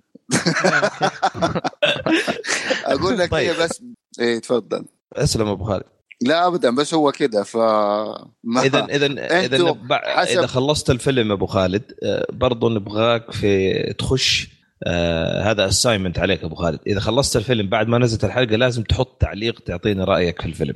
أكيد أكيد. لا أنا أقول لك في النص الساعة الآن. الأولى الساعة الأولى شدتني بشكل ما هو معقول. أنا قلت لك يعني دخلت الفيلم وأنا حامل هم إنه حشوف آه، أنا ما أحب أشوف musicals بس لما دخلت الفيلم بالنفسية هذه لا وبدأ يغير نفسيتي قلت لا هذا أكيد لازم اكمله للآخر. جميل. اذا ننتظر رأيك أبو خالد. آه، أتوقع حت- حتستمر في رحلة جميلة. آه، عبد الله بجيك الآن. آه، أعطيني آه، آخر كلام لك عن الفيلم وهل تنصح الفيلم أو ما تنصح فيه؟ كمان قول لي يعني إذا كان الفيلم أصلا ينفع لفئة عمرية أو لا. آه أوكي. بس بما إنك سحبت علي فبقول إن آه، أتفق مع كلام الشباب عموما. بس آه النقطة اللي كنت بعلق عليها قبل ما نبدأ هي آه حقت سام اليت بس ما قصر خالد أعطانا الفكرة. فبقول النقطة السلبية عندي بشكل سريع إنه إخراج برادي كوبر توفق بأشياء مرة مهمة اللي هي انه اعطى ثقته بالممثلين وعطاهم مساحة إنهم آه، بدون أي مبالغة بالتصوير إنهم يطلعون المشهد بأريحية مرة. مو توفق جدا والممثلين كانوا ممتازين. مرة ممتازة مرة ممتازة هذه. هذا بس تحس- تحسب له. صح مرة. خصيصا مع ساميلية وليدي جاجا يعني مرة إيه. وثق فيهم وعطاهم مساحة مرة مرة حلوة. هو أنا بالنسبة لي اشوفه هو اللي خلى ليدي جاجا تطلع بهذا التمثيل الخرافي. كان عندي. نكتة بس ما بقولها ما في وقت. آه، تفضل تفضل. حق 99 شخص في غرفة واحد إيه. فيك أوكي. يعني بتقولها يعني قلت كمل كمل. قلت حرام أقول. آه، لكن السلبية كانت إنه ما أعطى علاقة آه، شخصية جيسون وشخصيه آلي المساحة الكافية. فحسيت انه كان مستعجل فيها بصراحة. يعني من من الله أكبر عليك. وش الله أكبر عليك صراحة. آه هذه كنت تسلم. تقصد أنا. نعم اسلم إي أول. نص ساعة بالفيلم كانت سريع لا سريع. كل كل الفيلم حتى بآخره يعني كان ينجز بشكل مرة يعني ما كان يعطيها ال... ما يعطي الأحداث حجمها. بس هذا صراحة تعليقي. لكن ب... الأحداث الدرامية تقصد عبد الله؟ يا ما كان يعطي أثرها وتأثيرها على الشخصيتين ما كان آه آه طالع على الشاشة بشكل كافي. يعني كان ينجز إيه، على معك. طول. أما كختام الفيلم مرة عجبني. آه الأغاني فيه مرة حلوة. الممثلين مرة أبدعوا. آه الم- المشاكل ال- اللي ش- بالنسبة لي شفتها هي الوحيدة اللي ذكرتها تو. وأنصح فيه صراحة للكل. يعني تحب ليدي جاجا فبيعجبك. ما تحب ليدي جاجا بيعجبك. هو آه وإذا ما, ما. تحب ليدي جاجا ليش ما تحب ليدي جاجا؟ عندك مشكلة ترى طيب. أتفق معك يا عبد الله. أتفق كل الاتفاق. طيب آه عبد الرحمن أنت إيش رأيك؟ تنصح الفيلم؟ آه والله أكيد أنصح بالفيلم، الفيلم آه، أعطاني متعة من من نواحي مختلفة. مثلا عندك موسيقى، إخراج، آه، شخصيات وإلى آخره، فإذا كنت تبحث عن فيلم آه، فيه ايجابيات من نواحي متعددة أنصح فيه وتتعلق فيه وراح تعجبك النهاية أكيد. جميل جدا. وأنت يا أحمد؟ آه أنا ما شبكت مع الفيلم نفس ما اشوفكم مع الشباب. يعني أنا لا منديل ولا كلينكس ولا ولا شيء شيء كان. آه فيلم جميل. آه أنصح فيه بس لا ترفع توقعات كثير فيه. عندك مشكلة يا أحمد. أجل راجع دكتور ولا شيء. ودي أشوف أتوقع في وقت مناسب الآن نقحم عبد العزيز في عبد العزيز أنت؟ إيش رأيك؟ آه، حبيبي بك صخر طيب الفيلم الفيلم يعني لي كثير لأني أنا أحب هذه الجرائم بالأساس وكنت متوقع من الفيلم الشيء الكبير لكن آه، خيب أملي. بالنسبة لي أنا ما كنت متوقع أفضل من كذا. العلاقة ما بين الأثنين ما كان فيها ال chemistry المطلوب والكافي ولما أب... لما تبغى أقارن لك أثنين فيهم موسيقى و romance أو مش romance راح تلاحظ في أثنين أصلا. العلاقة بينهم مش romance مش المطلوب انها تكون romance. مع ذلك حسيت بال chemistry بينهم. ارجع لفيلم Begin Again ولاحظ آه، الأثنين كيف كانوا. آه، ارجع الفيلم. Sing Street كان كان ال- ال- الفيلم romance music وراح تلقى إن الاثنين أعطوك chemistry رهيب. هنا أنا ما حسيت بالحب الحقيقي ما بين آه، ليدي جاجا وبرادلي كوبر. ما أعطوني هذا الإحساس آه، خصوصا إن ما في أصلا مشاهد تخدمهم وكان المفروض. يزيد يزيدون من رتم التمثيل تبعهم عشان يعطوني هذا ال chemistry آه هذه النقطة ال- ال- الأولى ما بين الاثنين آه خصوصا أن القصة فيها حب خارق للعادة أصلا طيب عبد للعادة. العزيز بس اسمح لي بالمقاطعة هنا أنت نعم. حبيت قبل كده أنا آه، أيوة. لا، أنا أنا أنا شخصيا ما. أبغى اعرف okay okay okay أنا شخصيا ما أبغى اعرف يعني عادي. يعني. لا بس أشوف ناس التعليق لا التعليق له مغزى كويس. آه لما الواحد يكون واقع في الحب وفي الغرام للدرجة هذه اللي كان مبينها برادلي كوبر صدقني حينجرف بشكل غير متوقع ومشاعره كلها. انت حتى حسيت في بداية الفيلم كيف لما طريقة التعارف كانت بينهم. نظراته لها نظراته. لها. أيوه طيب أنا بقول لك Lady Gaga يعني أوكي أنا في البداية إنه ليش متعلق فيها كده؟ ليش حابة قد كده؟ هي ما هي واصل لها الفكرة إنه هذا الإنسان متيم فيها. ابي أعلق على آه، عبد العزيز اني اوافقه دقيقة مم. معليش. أنا اوافق عبد العزيز ليش؟ لأني شفت إنه شرح هذا الشيء لبراد شخصية آه، برادلي كوبر. لكن من جانب لأنه تعمق فيها مرة تعمق في شخصية ال- آه، جيسون مين جاكسون مين. لكن بشخصية آلي ما تعمق في هذا الشيء. يعني ما ماني بفاهم آه، مشاعر آه، آلي لجاكسون. طول الفيلم ما شوف، كنت فاهم. آه، بعكس آه، الثانية قول عبد بالنسبة لمشاعر آلي آه، بالنسبة لها جاكسون هو اللي طلعها وخلاها تحقق حلمها وخلاها كذا. يعني كان شخص كانت تشتغل بوظيفة ما تبغاها. فجاكسون كان اللي هو الدافع لها فهو أعتقد هذا سبب الحب الكبير اللي صاير بينهم. إيه، أوكي إيه، هذا سبب دقيقة بس هذا سبب هذا سبب كبير أساسي. لكن المشكلة في ال- في, ال- في المشكلة اللي حنا عندها ما كان في في الأحداث أسباب ثانية تخليها تع- تعشق في ما كان في. تطور. إي ما كان في تطور. هذا هذا اللي هذه النقطة اللي أقول لك أنا. ما وصل لي الشيء هذا العلاقة القوية اللي بينهم. أيوه الله أكبر عليك. ما وصل لي ما أعطاني هذا ال- هذه المشاعر. ما أنا ما أدري من الناس اللي مثلا آه، شافت هذه الفيلمين أو مثلا La La Land La La Land أكثر فيلم تكلمت الناس فيه ما بين ال chemistry ما بين الاثنين. وكيف تناغموا إيما ستون وراين جوزلين كيف إنهم حسيت حتى في ناس طلعت نظريات إنهم حبوا صدق. بالحقيقة إنهم جالسين يحبون بعض. وكان هذاك في مشاهد بسيطة جدا لكن قدروا يعطونك ال- هذه هذه الفكرة هذولا آه، حطوا مشاهد أكثر من الفيلم ذاك وكل شيء لكن اني الحين أقدر أقول لك بكل بساطة انه ما ما حسيت بهذا الحب إنه حقيقي جدا. برادلي كوبر حاول آه، بأكبر شكل ممكن لكني ما ما حسيت بهذا الإحساس وأوافق آه، أبو حصة بكلام إنه ما وصلوا لي اياه. حلو. آه إي نعم آه آه. آه حلو إخراج برادلي كوبر ما كان سيء حلو. آه نظام الإضاءة فيه والتلوين بال بال بالحفلات كان حلو برضو. آه يعني وفقط تتعلمون Bohemian Rhapsody أتمنى ذلك. فيلم آه ما ودي نتكلم عن Bohemian Rhapsody آسف. آه اي نعم آه و... لكن فيلم جميل. أنا أي فيلم موسيقي صدقني ترى راح على طول أوصي فيه. direct خلاص بعد ما غسلت فيه جاي. على أي حال آه، أنا كنت منتظر واحد يقول نفس رأيي عشان ما أضيف على الوقت. عبد العزيز أنا أتفق معك في كل آه، حرف صراحة قلته. آه، أشياء غريبه لكن متفق معك. طيب خلينا نشوف أبو حصة رأيك الأخير. أنا مع, مع مع الشباب رايي ممتاز فيلم جدا جدا والصراحه لا لا تفوته. آه، يستاهل كل لحظة من آه، حياتك إنك تشوفه. آه، مع المشاكل اللي ذكر ذكرها عبد العزيز وعبد الله ما ما ما أثرت يعني بشكل كبير مرة مرة على التجربة. هي هي جزء مهم من التجربة لكنها ما تأثر في أشياء ثانية. شالت الفيلم آه، وخلت التجربة ممتازة أكثر من هذه مع إن هذه كانت جزء كبير. آه، لكن جميل. الفيلم مرة ممتاز. حلو. آه خالد؟ آه، أنا عجبني الفيلم ما أدري ليش. هل لأني دخلت هل لأني تابعت الفيلم بتوقعات نازلة؟ آه، عشان كذا عجبني. بس بالنسبة لي تمثيل برادلي كوبر فاجأني وتوني أدري إنه يعرف يغني كذا. وتمثيل سام وتمثيل آه، Lady Gaga المتواضع.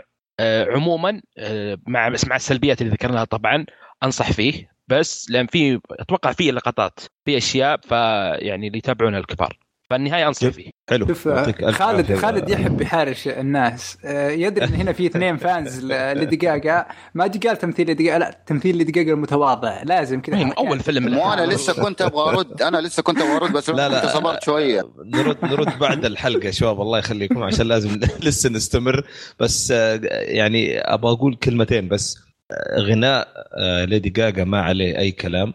اي ما آه، ولكن يعني. ولكن تم ولكن تمثيلها أتوقع هو مشكلتي أنا الشخصية مع الفيلم إنه كان ممكن يشيل الفيلم من فيلم جيد إلى فيلم أسطوري في ال romance. أنا بالنسبة لي لو كان شخص آخر. آه، عشان كذا أتفق معك عبد العزيز. لكن يعني يمكن هذه إمكانياتها قد قد اضطروا إنهم يحسنوا أو يقللوا من مضاعفات في الأداء لأن أداء Lady Gaga أصلا محدود ما يقدروا يعطوها مجال مجال أكبر. قد يكون واحد من الأسباب ليش ما وصلنا للإحساس اللي كنا ننتظره يعني من ال romance آه، في الفيلم على أي حال هذا كان فيلمنا الثاني اليوم Star Is Born يعطيكم ألف عافية يا شباب آه، أعتذر إذا كان في آه، بعض الشباب ما قالوا كل المجال اللي عندهم إن شاء الله نعوضهم في الفيلم القادم اللي معانا الآن وهو فيلمنا الأخير مين حيقدم الفيلم يا شباب؟ أي واحد. حاب يقدم أنا ما عندي مشكلة إذا تبون بس إحنا. نبغاك أنت تقدم الفيلم بما انه. كذا. كنا متفقين تفضل طبعا. يا قلبي. أعطينا الفيلم الأسطوري روما.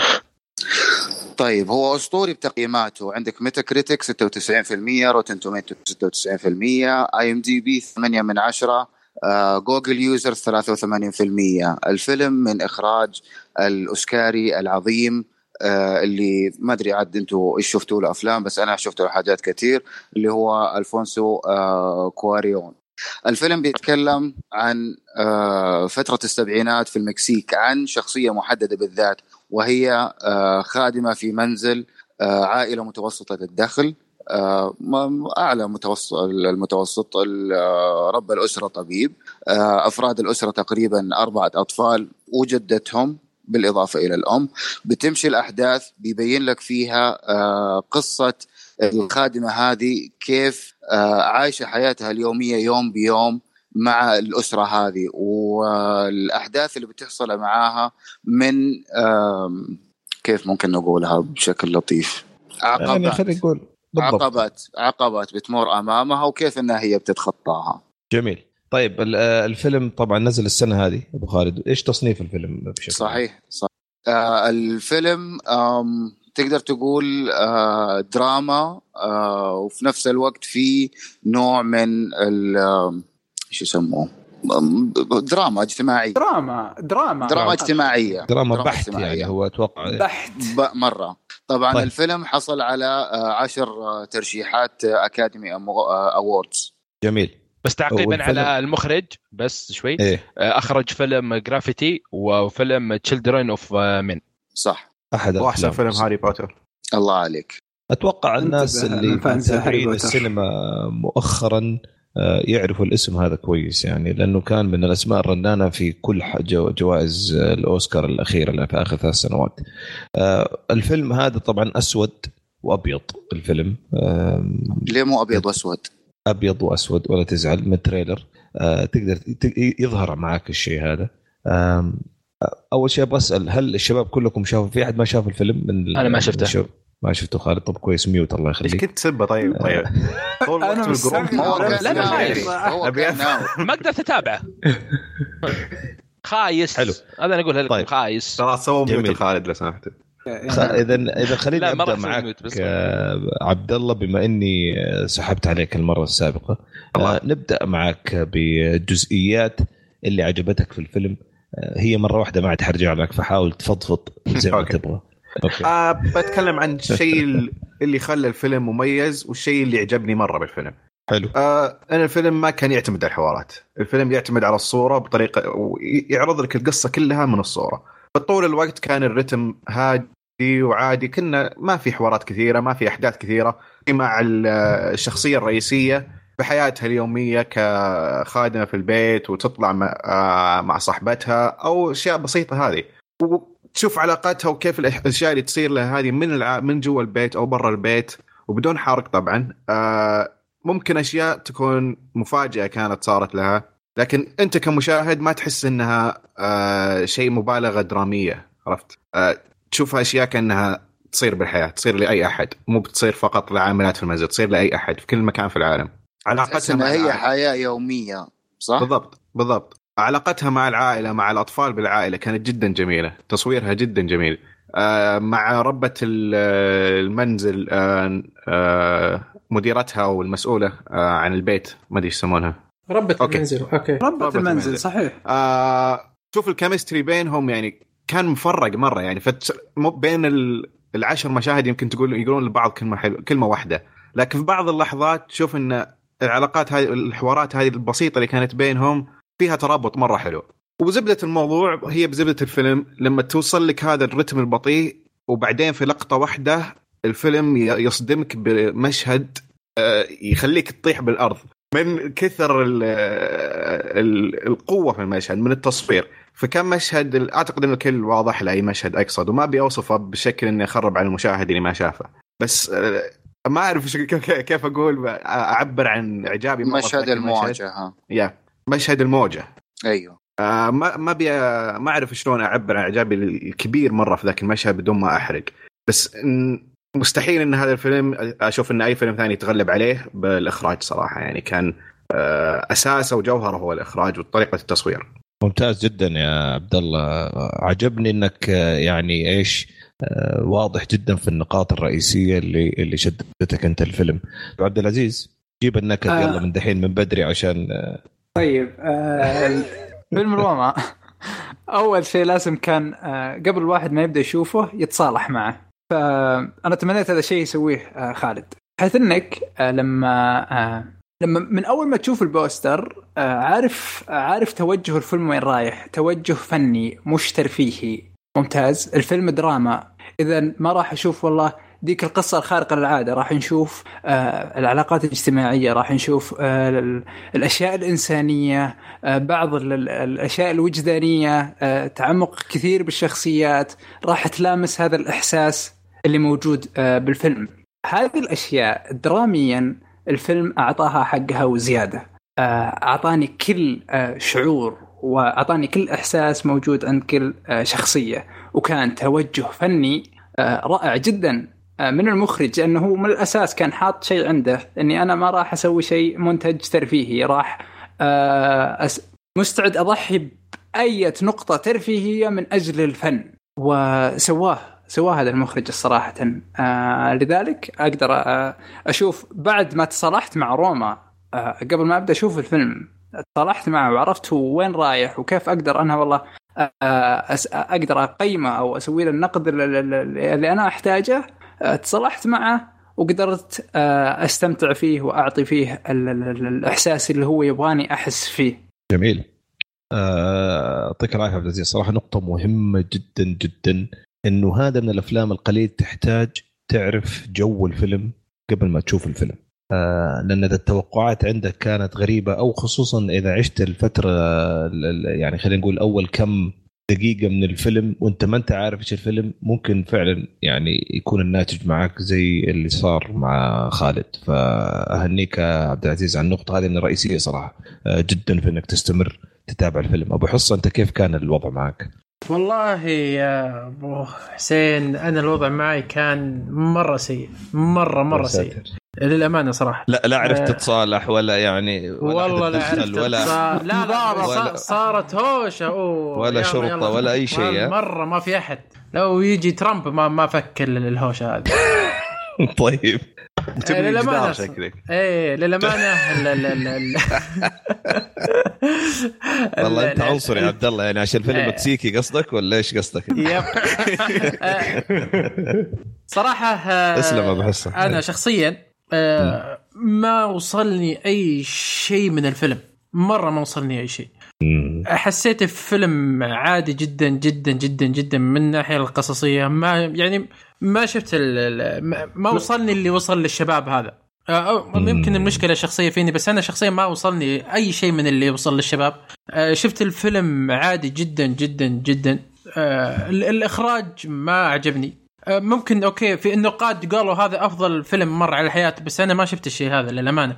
ما أدري يمكن أنا ما وصلت للمرحلة هذه أو ما شفت اللي يشوفونه هم. آه، ما أدري صراحة وش النقطة اللي اللي هم قالوا okay الإخراج كويس. آه، لاني صراحة في لقطات مال ام أم أمها داعي في الفيلم. ما أدري إيش طيب. محطوطة أصلا. ومع ذلك مخليها لمدة طويلة. آه، فما كانت جيدة بالنسبة لي. آه، غير كذا آه، التمثيل من أسوأ ما رأيت خصوصا ال- ال- الخادمة الرئيسية. أنا ما أدري شلون ترشحت أوسكار. حرام عليك. والله من أسوأ ما رأيت في حياتي التمثيل. ما وش وش عطني مشاعر سوتها هي؟ أنا مره كلامك، مرة صراحة آه، معك. صح إنه الفيلم ما آه، الكلام اللي قاله بحصة حصة صراحة كنت متوقع كنت متوقع عليك. آه، كنت متوقع الجميع. آه، كنت متوقع أي واحد آه، راح يقول ذا الكلام 100% صراحة. كنت متوقع إن في واحد من الأشخاص آه، راح يقول إن التمثيل سيء وراح يقول انه آه، ما أنا وصلتني. قصة. آه، أي، فأنا أنا وصلني أنا كنت متوقع كذا. أنا أقول لك أنا كنت متوقع 100% آه، مثل كذا مثل هذا الكلام الصراحه فما يب، عندي مشكلة هذا بإنك شيء أقول لك أنا إيه.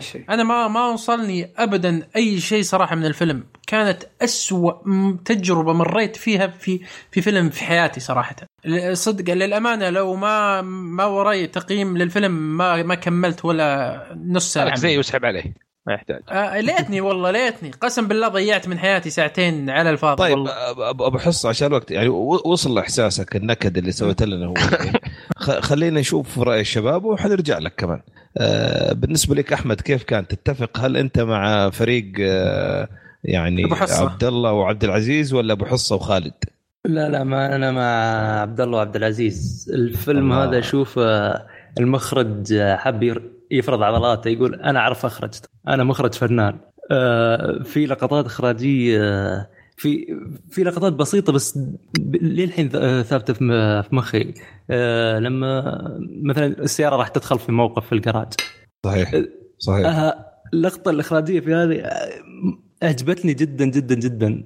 آه، غير اللقطة بعد اللي ذكرها أبو عابد. آه، من ناحية الفيلم بشكل عام بالنسبة لي الناحيه إخراجية آه، ممتاز. هو أكثر شيء شدني في الفيلم الصراحة. فيلم فيلم تحفة فنية. يعني مثلا ممكن في مثال في الجيمنج لعبة جيرني إذا حد فيكم لعبها. هذه أشوفها في الأفلام. فيلم روما هو.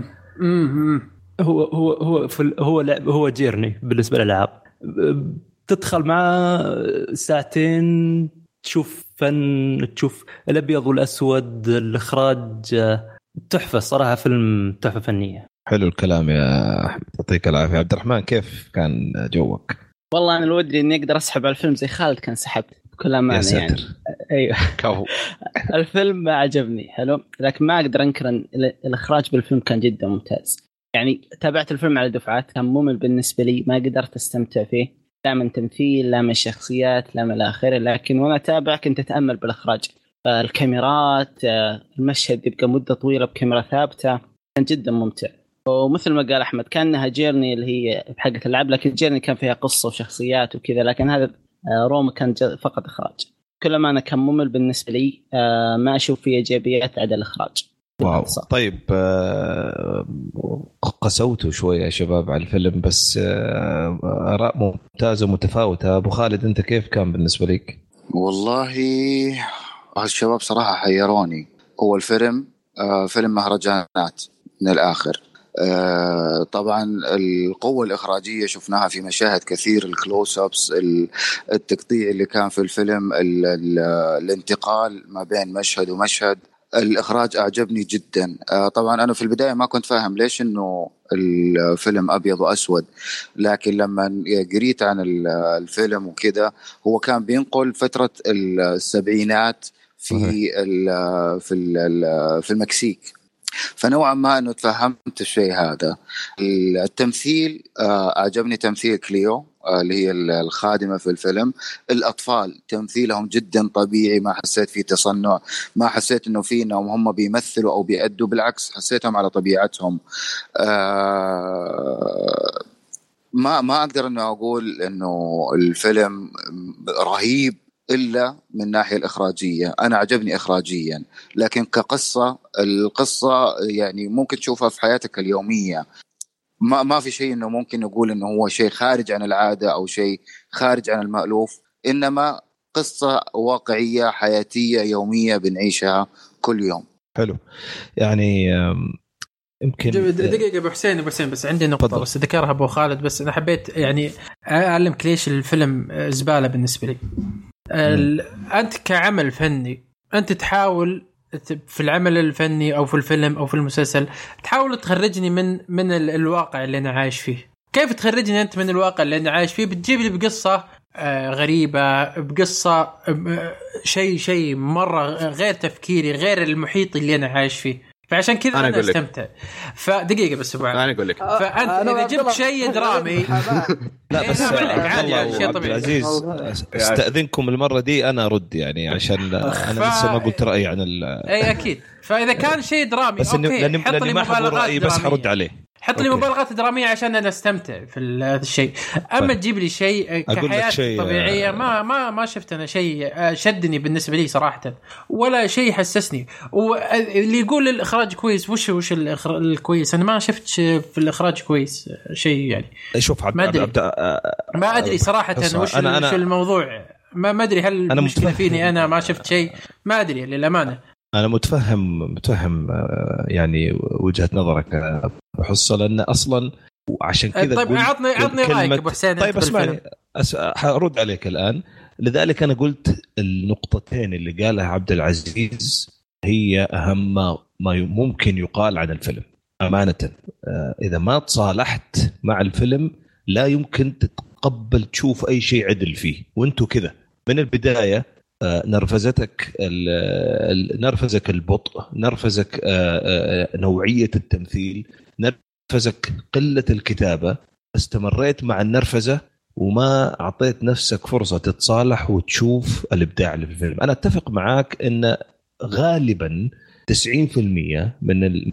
من الأوقات اللي أنا أختار أنا كشخص سواء أتكلم عن أي واحد يبحث عن ترفيه 90% من الأوقات يبغى يشوف شيء مختلف عن الطبيعي سواء دراميا أو أو حتى إذا كان CG والأشياء. أنت تبغى تشوف شيء مختلف عشان تستمتع فيه. لكن أنا أقول لك يا أبو حصة إنه اللي أصعب من إنك تشوف شيء مختلف إنك تبدع تشوف شيء عادي. الإبداع في إنك تشوف شيء عادي. اللي أنت ما أنت راضي تتقبل وأنت تشوف إنه هذا مرة عادي. جدا عادي طبيعي ممكن يحصل لأي واحد فينا في البيت كل يوم. كل الفيلم باللي حصل في الفيلم ممكن يحصل لأي واحد كل يوم. في المكسيك في السعودية في أي مكان جدا عادي. لكن إنك تصور العادي 100% كأنه عادي أشبه بال بال بال بال- بالمعقد بالصعب جدا. لذلك ال- ال- المخرج قاعد ياخذ آه، يعني يعني آه، تقييمات عالية جدا. إنه قاعد يظهر لك العادي كأنه فعلا جدا سهل جدا سهل. لكن هو جدا مستحيل وصعب. إني أنا أطلع شيء بآلات بأدوات بأوقات بفريق عمل بتناسق مستمر. اظهره بالطبيعي بالعادي جدا. آه، ال- ال- التمثيل أنا صراحة كنت جدا مهتم أسمع راي رأي أحمد كمان لأن أنا أعرف أحمد يمكن عنده نفس ال- ال- الأسلوب اللي عندي لما أجي أتابع. آه، يفرق معايا إيش الكلام اللي ينقال بين الشخصيات والحوار. على أساسه أقيم متعتي. طيب هذا كيف أقيم متعتي؟ ما في أصلا حوار. آه، مع ذلك كان في حوار بالعيون حوار في الكاميرا حوار بالمشاهد حوار بالتفصيل. على فكرة آه، أبو حصة بس عشان أقول لك لأي درجة مهمة النقطة هذه أنا شفت الفيلم مرتين ترى. المرة الأولى كنت حاجي معاك على طول أنت وخالد 100% معاكم. صالحت نفسي على على جنب وتصالحت مع الفيلم زي الأوادم وجيت شفت الفيلم مرة ثانية بالصورة الفنية البحت اللي كان يتكلم عنها عبد العزيز وصراحة عشت تجربة مختلفة مختلفة تماما. آه، ما ما أقصد بالكلام هذا إني أنصحك تروح تشوف الفيلم مرة ثانية بس حتى لو نصحتي ما راح أشوفه مرة ثانية. لكن لكن للمستمعين بالذات لأنه التقييم هذا إحنا يعني بنكون مخلصين معاهم فيه آه، ال ال ال يفرق كثير إنك تكون عارف إيش توجه الفيلم. الفيلم ما هو جرعة تسلية. لا شوف أنا بعلمك أبو حسين. أنا ممكن حاليا يعني في الفترة الحالية ما المستوى ال- الذهني عندي والمستوى العلمي للأفلام لي كمشاهد ما وصلت للمرحلة إني أستمتع في فيلم زي كذا. ممكن مستقبلا إذا تطورت المهارات وتطور ال- ال- الرؤية عندي ممكن أرجع لفيلم. أقول أنا كنت غبي يوم إني أقول إني خايف. لا لا لا إن شاء الله انك إن شاء الله إنك يعني ما حيجي لا قدر الله اليوم هذاك تقول أنا أقول لك من دحين ريحك امزح معك ابو حصه لكن أنا هني أحترم فيك صراحة إنك أنت تارك في مجال لاختلاف الرأي. وأرجع أقول لك أنا اعترفت لنفسي وأنا أشوفه المرة الأولى. إيه، بعد ما شفته مرة ثانية قلت أنا فعلا كنت غبي صراحة المرة الأولى لما شفته بكل أمانة. وما أعطيت ال- ال- ال- ال- الصورة اللي المفروض أشوفها أشوف فيها فيلم. يعني ذكرني بفيلم آه نسيت اسمه هذاك حق آه اللي اخذ الأوسكار برضو والناس كانت جدا ضد الفيلم آه شيء Bird Birdman يمكن أو شيء زي كذا Birdman؟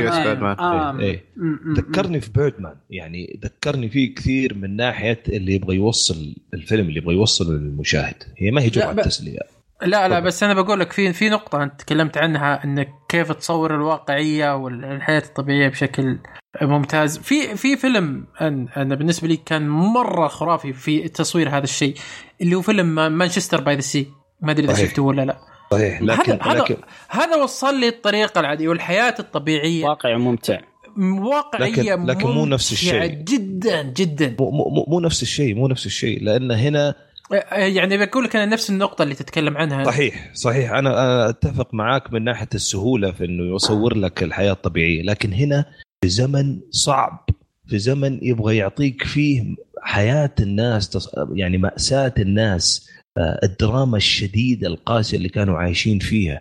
وقاعد يصور لك إياها بشكل سلس. نفس الوقت اللي قاعد تشوف فيه السلس هذا في واحد قدامك يموت. اللي يموت المشهد اللي يموت فيه الشخص هذا أنت تتصور إنه حيكون يوصل لك بطريقة لكن هو وصل لك هي بطريقة الحياة اللي الناس عايشين فيها. أتمنى من النقطتين هذه فهمت أنا إيش أقصد يا عبد الله لا لا خصوصاً فاهم في, فاهم. في كذا مشاهد متسلسلة وبعدين يحصل فيها شيء تراجيدي زي الموت مع ذلك الحياة مستمرة. الحياة طبيعية لأنه هو أصلا في الطبيعة أن الحياة مستمرة. ما حد حيوقف في الشارع ويصلي عليه مثلا. الأشياء هذه ترى في تسلسلها وإنك توصلها للمشاهد أنا شفت فيه إبداع عجيب من من من المخرج الحقيقة. فهذا يعني صراحة الرأي بشكل عام عن عن الفيلم. آه، يمكن أطلنا الحديث في النقطة دي لكن ودي إني على السريع شباب لأنه لسه باقي لنا فقرة. آه، إذا في أحد يبغى يضيف آه، أي شيء يعطينا ويبدأ الآن. أنا بضيف إنه من طب طبيعي إنه الشخص يشوف الفيلم إنه يقول ما في متعة. لكن الفيلم فيه وجهتين أو في طريقتين للعرض في طريقة القصة اللي قصة الخادمة وحياتها. في طريقة ثانية بالعرض اللي كانت بالطريقة من التصوير ومن الإخراج. فيبدأ الفيلم أصلا مع الموية وانعكاس السماء على الموية. طيب. شوف المشاهد هذه منفصلة عن القصة أصلا ما لها دخل. هذه جاي جاية عرض كذا. وتمشي ف- وتمشي. فرد فرد عضلات من المخرج. لكن إيه. لكن هذه زبدة الفيلم. بالضبط هاي زبدة الفيلم. بالنسبة لي كمشاهد يعني كل تجربه شخص من الثاني تختلف. فهذه المشاهد كلها مخ... م- مختلفة عن بعض مختلفة عن بعض مرة هنا مرة هنا. ولين يعطيك المشهد اللي تكلمت عنه في كلامي أول شيء يجمع لك ال- الشيئين هذول المو... الثلاث أشياء هذه الموية ال- ال- قصة الفيلم أحداث الفيلم والسماء كلها بلقطه واحدة. فجمع لك المشاهد الإخراجية والقصة مرة واحدة وهذا صار لل... بالنسبة لي هذه خلاص نهاية الفيلم بالنسبة لي أعطاني زبدة الفيلم. هذا المتعة كلها بالنسبة لي كانت بالفيلم أبو. إنه كختام فأعتقد الشخص اللي اللي يبي يشوف الفيلم بأفضل طريقة ممكنة إنه يحاول يفرق بين الطبقتين الطبقة الإخراجية والطبقة ال- القصة عشان يوصل للفيلم بأفضل صورة ممكنة. حلو. طيب آه خلينا نقول أتوقع خالد آه عبد الرحمن آه أبو حصة آه أنتم ما تنصحوا في الفيلم بس يعني- قولوا لي إذا صح ولا لا. صح صح، طبعا صح. ما يحتاج. صح صح. صح صح. ألف. جميل جدا. طيب آه أبو خالد إحنا لسه ما إحنا عارفين زاويتك صراحة. آه أنا أنصح إذا خالد مع تتفرج. على إخراج. لا لا لا أنا دا إذا بتدخل تتفرج على إخراج فقط أدخل الفيلم. غير كذا لا. حلو. آه حتى أنت بالنسبة لي يا أبو حميد لسه يعني ما أنت 100% فماني عارف تنصح بالفيلم ولا. أنا أنصح بالفيلم الصراحة. إذا بس أهم شيء إنه يكون تاخذ النقاط اللي قلناها إحنا لا تاخذ في الفيلم تدخل تشوف راح تشوف فيلم حوارات وفيلم اكشن لا فيلم هادي آه، اخراجيا آه، راح تدخل تشوف فيلم فني. حلو. طيب عبد العزيز انت وعبد الله أتوقع تنصحوا بالفيلم يعني. هل في استثناءات للنصائح؟ إذا كنت زي خالد لا تشوف. أوف. نعم راح راح أضيف. لا إحنا قلنا استثناءات مو شخصنا يا عبد الله أنت قاعد تشوف. لا أمزح. بس اذا كنت تحب Breaking Bad لدرجه خالد ما يحبه فأتوقع انك المفروض إنك تشوفه Breaking Bad فيه أشياء شبيهة من هذا الفيلم. لكن خالد ما أدري إيش صار فيه. جميل جدا. طيب آه... عبد العزيز كنت تبغى تقول شيء؟ إيه نعم أحب أنصح للفيلم إذا كنت شخص آه، آه، واصل ذويق. المرحلة أيوه عندك مرحلة من ال- ال- الذوق بانك تقدر تطلع الأشياء الفنية اللي فيه وتقدر إنك آه، تأخذها خذها أو شوفها إذا كنت ما أنت قادر تتحمل آه، هذا الشيء وقف لا تشوفه أفضل لك. وكان قرار سليم من آه، من خالد. آه، أيضا أحب أضيف على أن الفيلم ال- المخرج قال فيه كلام حلو. قال إنه صور علاقته أو حياته بذاك الوقت مع الخادمة حقتهم. وهذا كان الفيلم كتكريم لها. لأن طلعت معه برضو هي بكذا شيء. ما أدري إذا كان الفيلم آه، الكلام هذا تسويقي أو حقيقي آه، لكن صوره بأفضل شكل ممكن بالطريقة الإخراجية اللي كان يحطنا ب... ب... مرة بالزاوية ويخلينا نشوف خلانا مشاهدين للحياة اللي هو كان عايشها وكان كانت تمثلها بالنسبة له. صراحة اختيار الأسود والأبيض ما أدري صراحة متحفظ يا عليه لأنه جماعة طلع طلع اشياء حلوة ليش ليش أسود وابيض أبيض وأسود؟ أبيض وأسود. ليش مشكلتك مع طول الفيلم يا اسود مو مشكلتي مع الفيلم مشكلتي مع الشباب. أبيض وأسود. ترى مو أسود وأبيض. أبيض وأسود يلا. آه لأنه طلعت لي مشاهد حلوة. لو لو انتهى كانت آه تكون حلوة. ما لكن أحترم رأيه وكانت جميلة يعني بشكل عام. آه فقط. فقط. حلو. جميل جدا. طيب يعطيكم ألف ألف عافية يا شباب. هذا طبعا كان فيلم روما. آه زي ما قلنا فيلم من إنتاج نتفلكس الشيء الثاني اللي يمكن ما تكلمنا عنه إن نتفلكس قاعدة تسوي بلبلة وتحارش بالفيلم وتبغى تفوز غصب. كان قلنا على الخبر هذا على السريع في فقرة الأخبار. غير كذا تكلمنا عن كل الزوايا اللي نحتاج آه نوضحها للفيلم. آه خلاصة الموضوع آه إذا ما عندك استعداد تشوف فيلم أساسه الإخراج وخر عنه. إذا عندك استعداد تشوف فيلم آه اساسه الإخراج خصوصا التركيز الفني فيه آه، أعطي نفسك فرصة إنك تشوف الفيلم هذا. آه، يعطيكم ألف ألف عافية شباب. عبد العزيز عبد الله أحمد أبو حصة أبو خالد خالد وعبد الرحمن ما قصرتوا. آه، أشكركم. جزيل الشكر. آه، إحنا. كذا آه، نختم حلقتنا اليوم آه، ونشوفكم بإذن الله أو تشوفوا الطاقم الرئيسي لكشكول أفلام آه، في الحلقة القادمة. آه، نشوفكم بإذن الله على الف خير. شباب.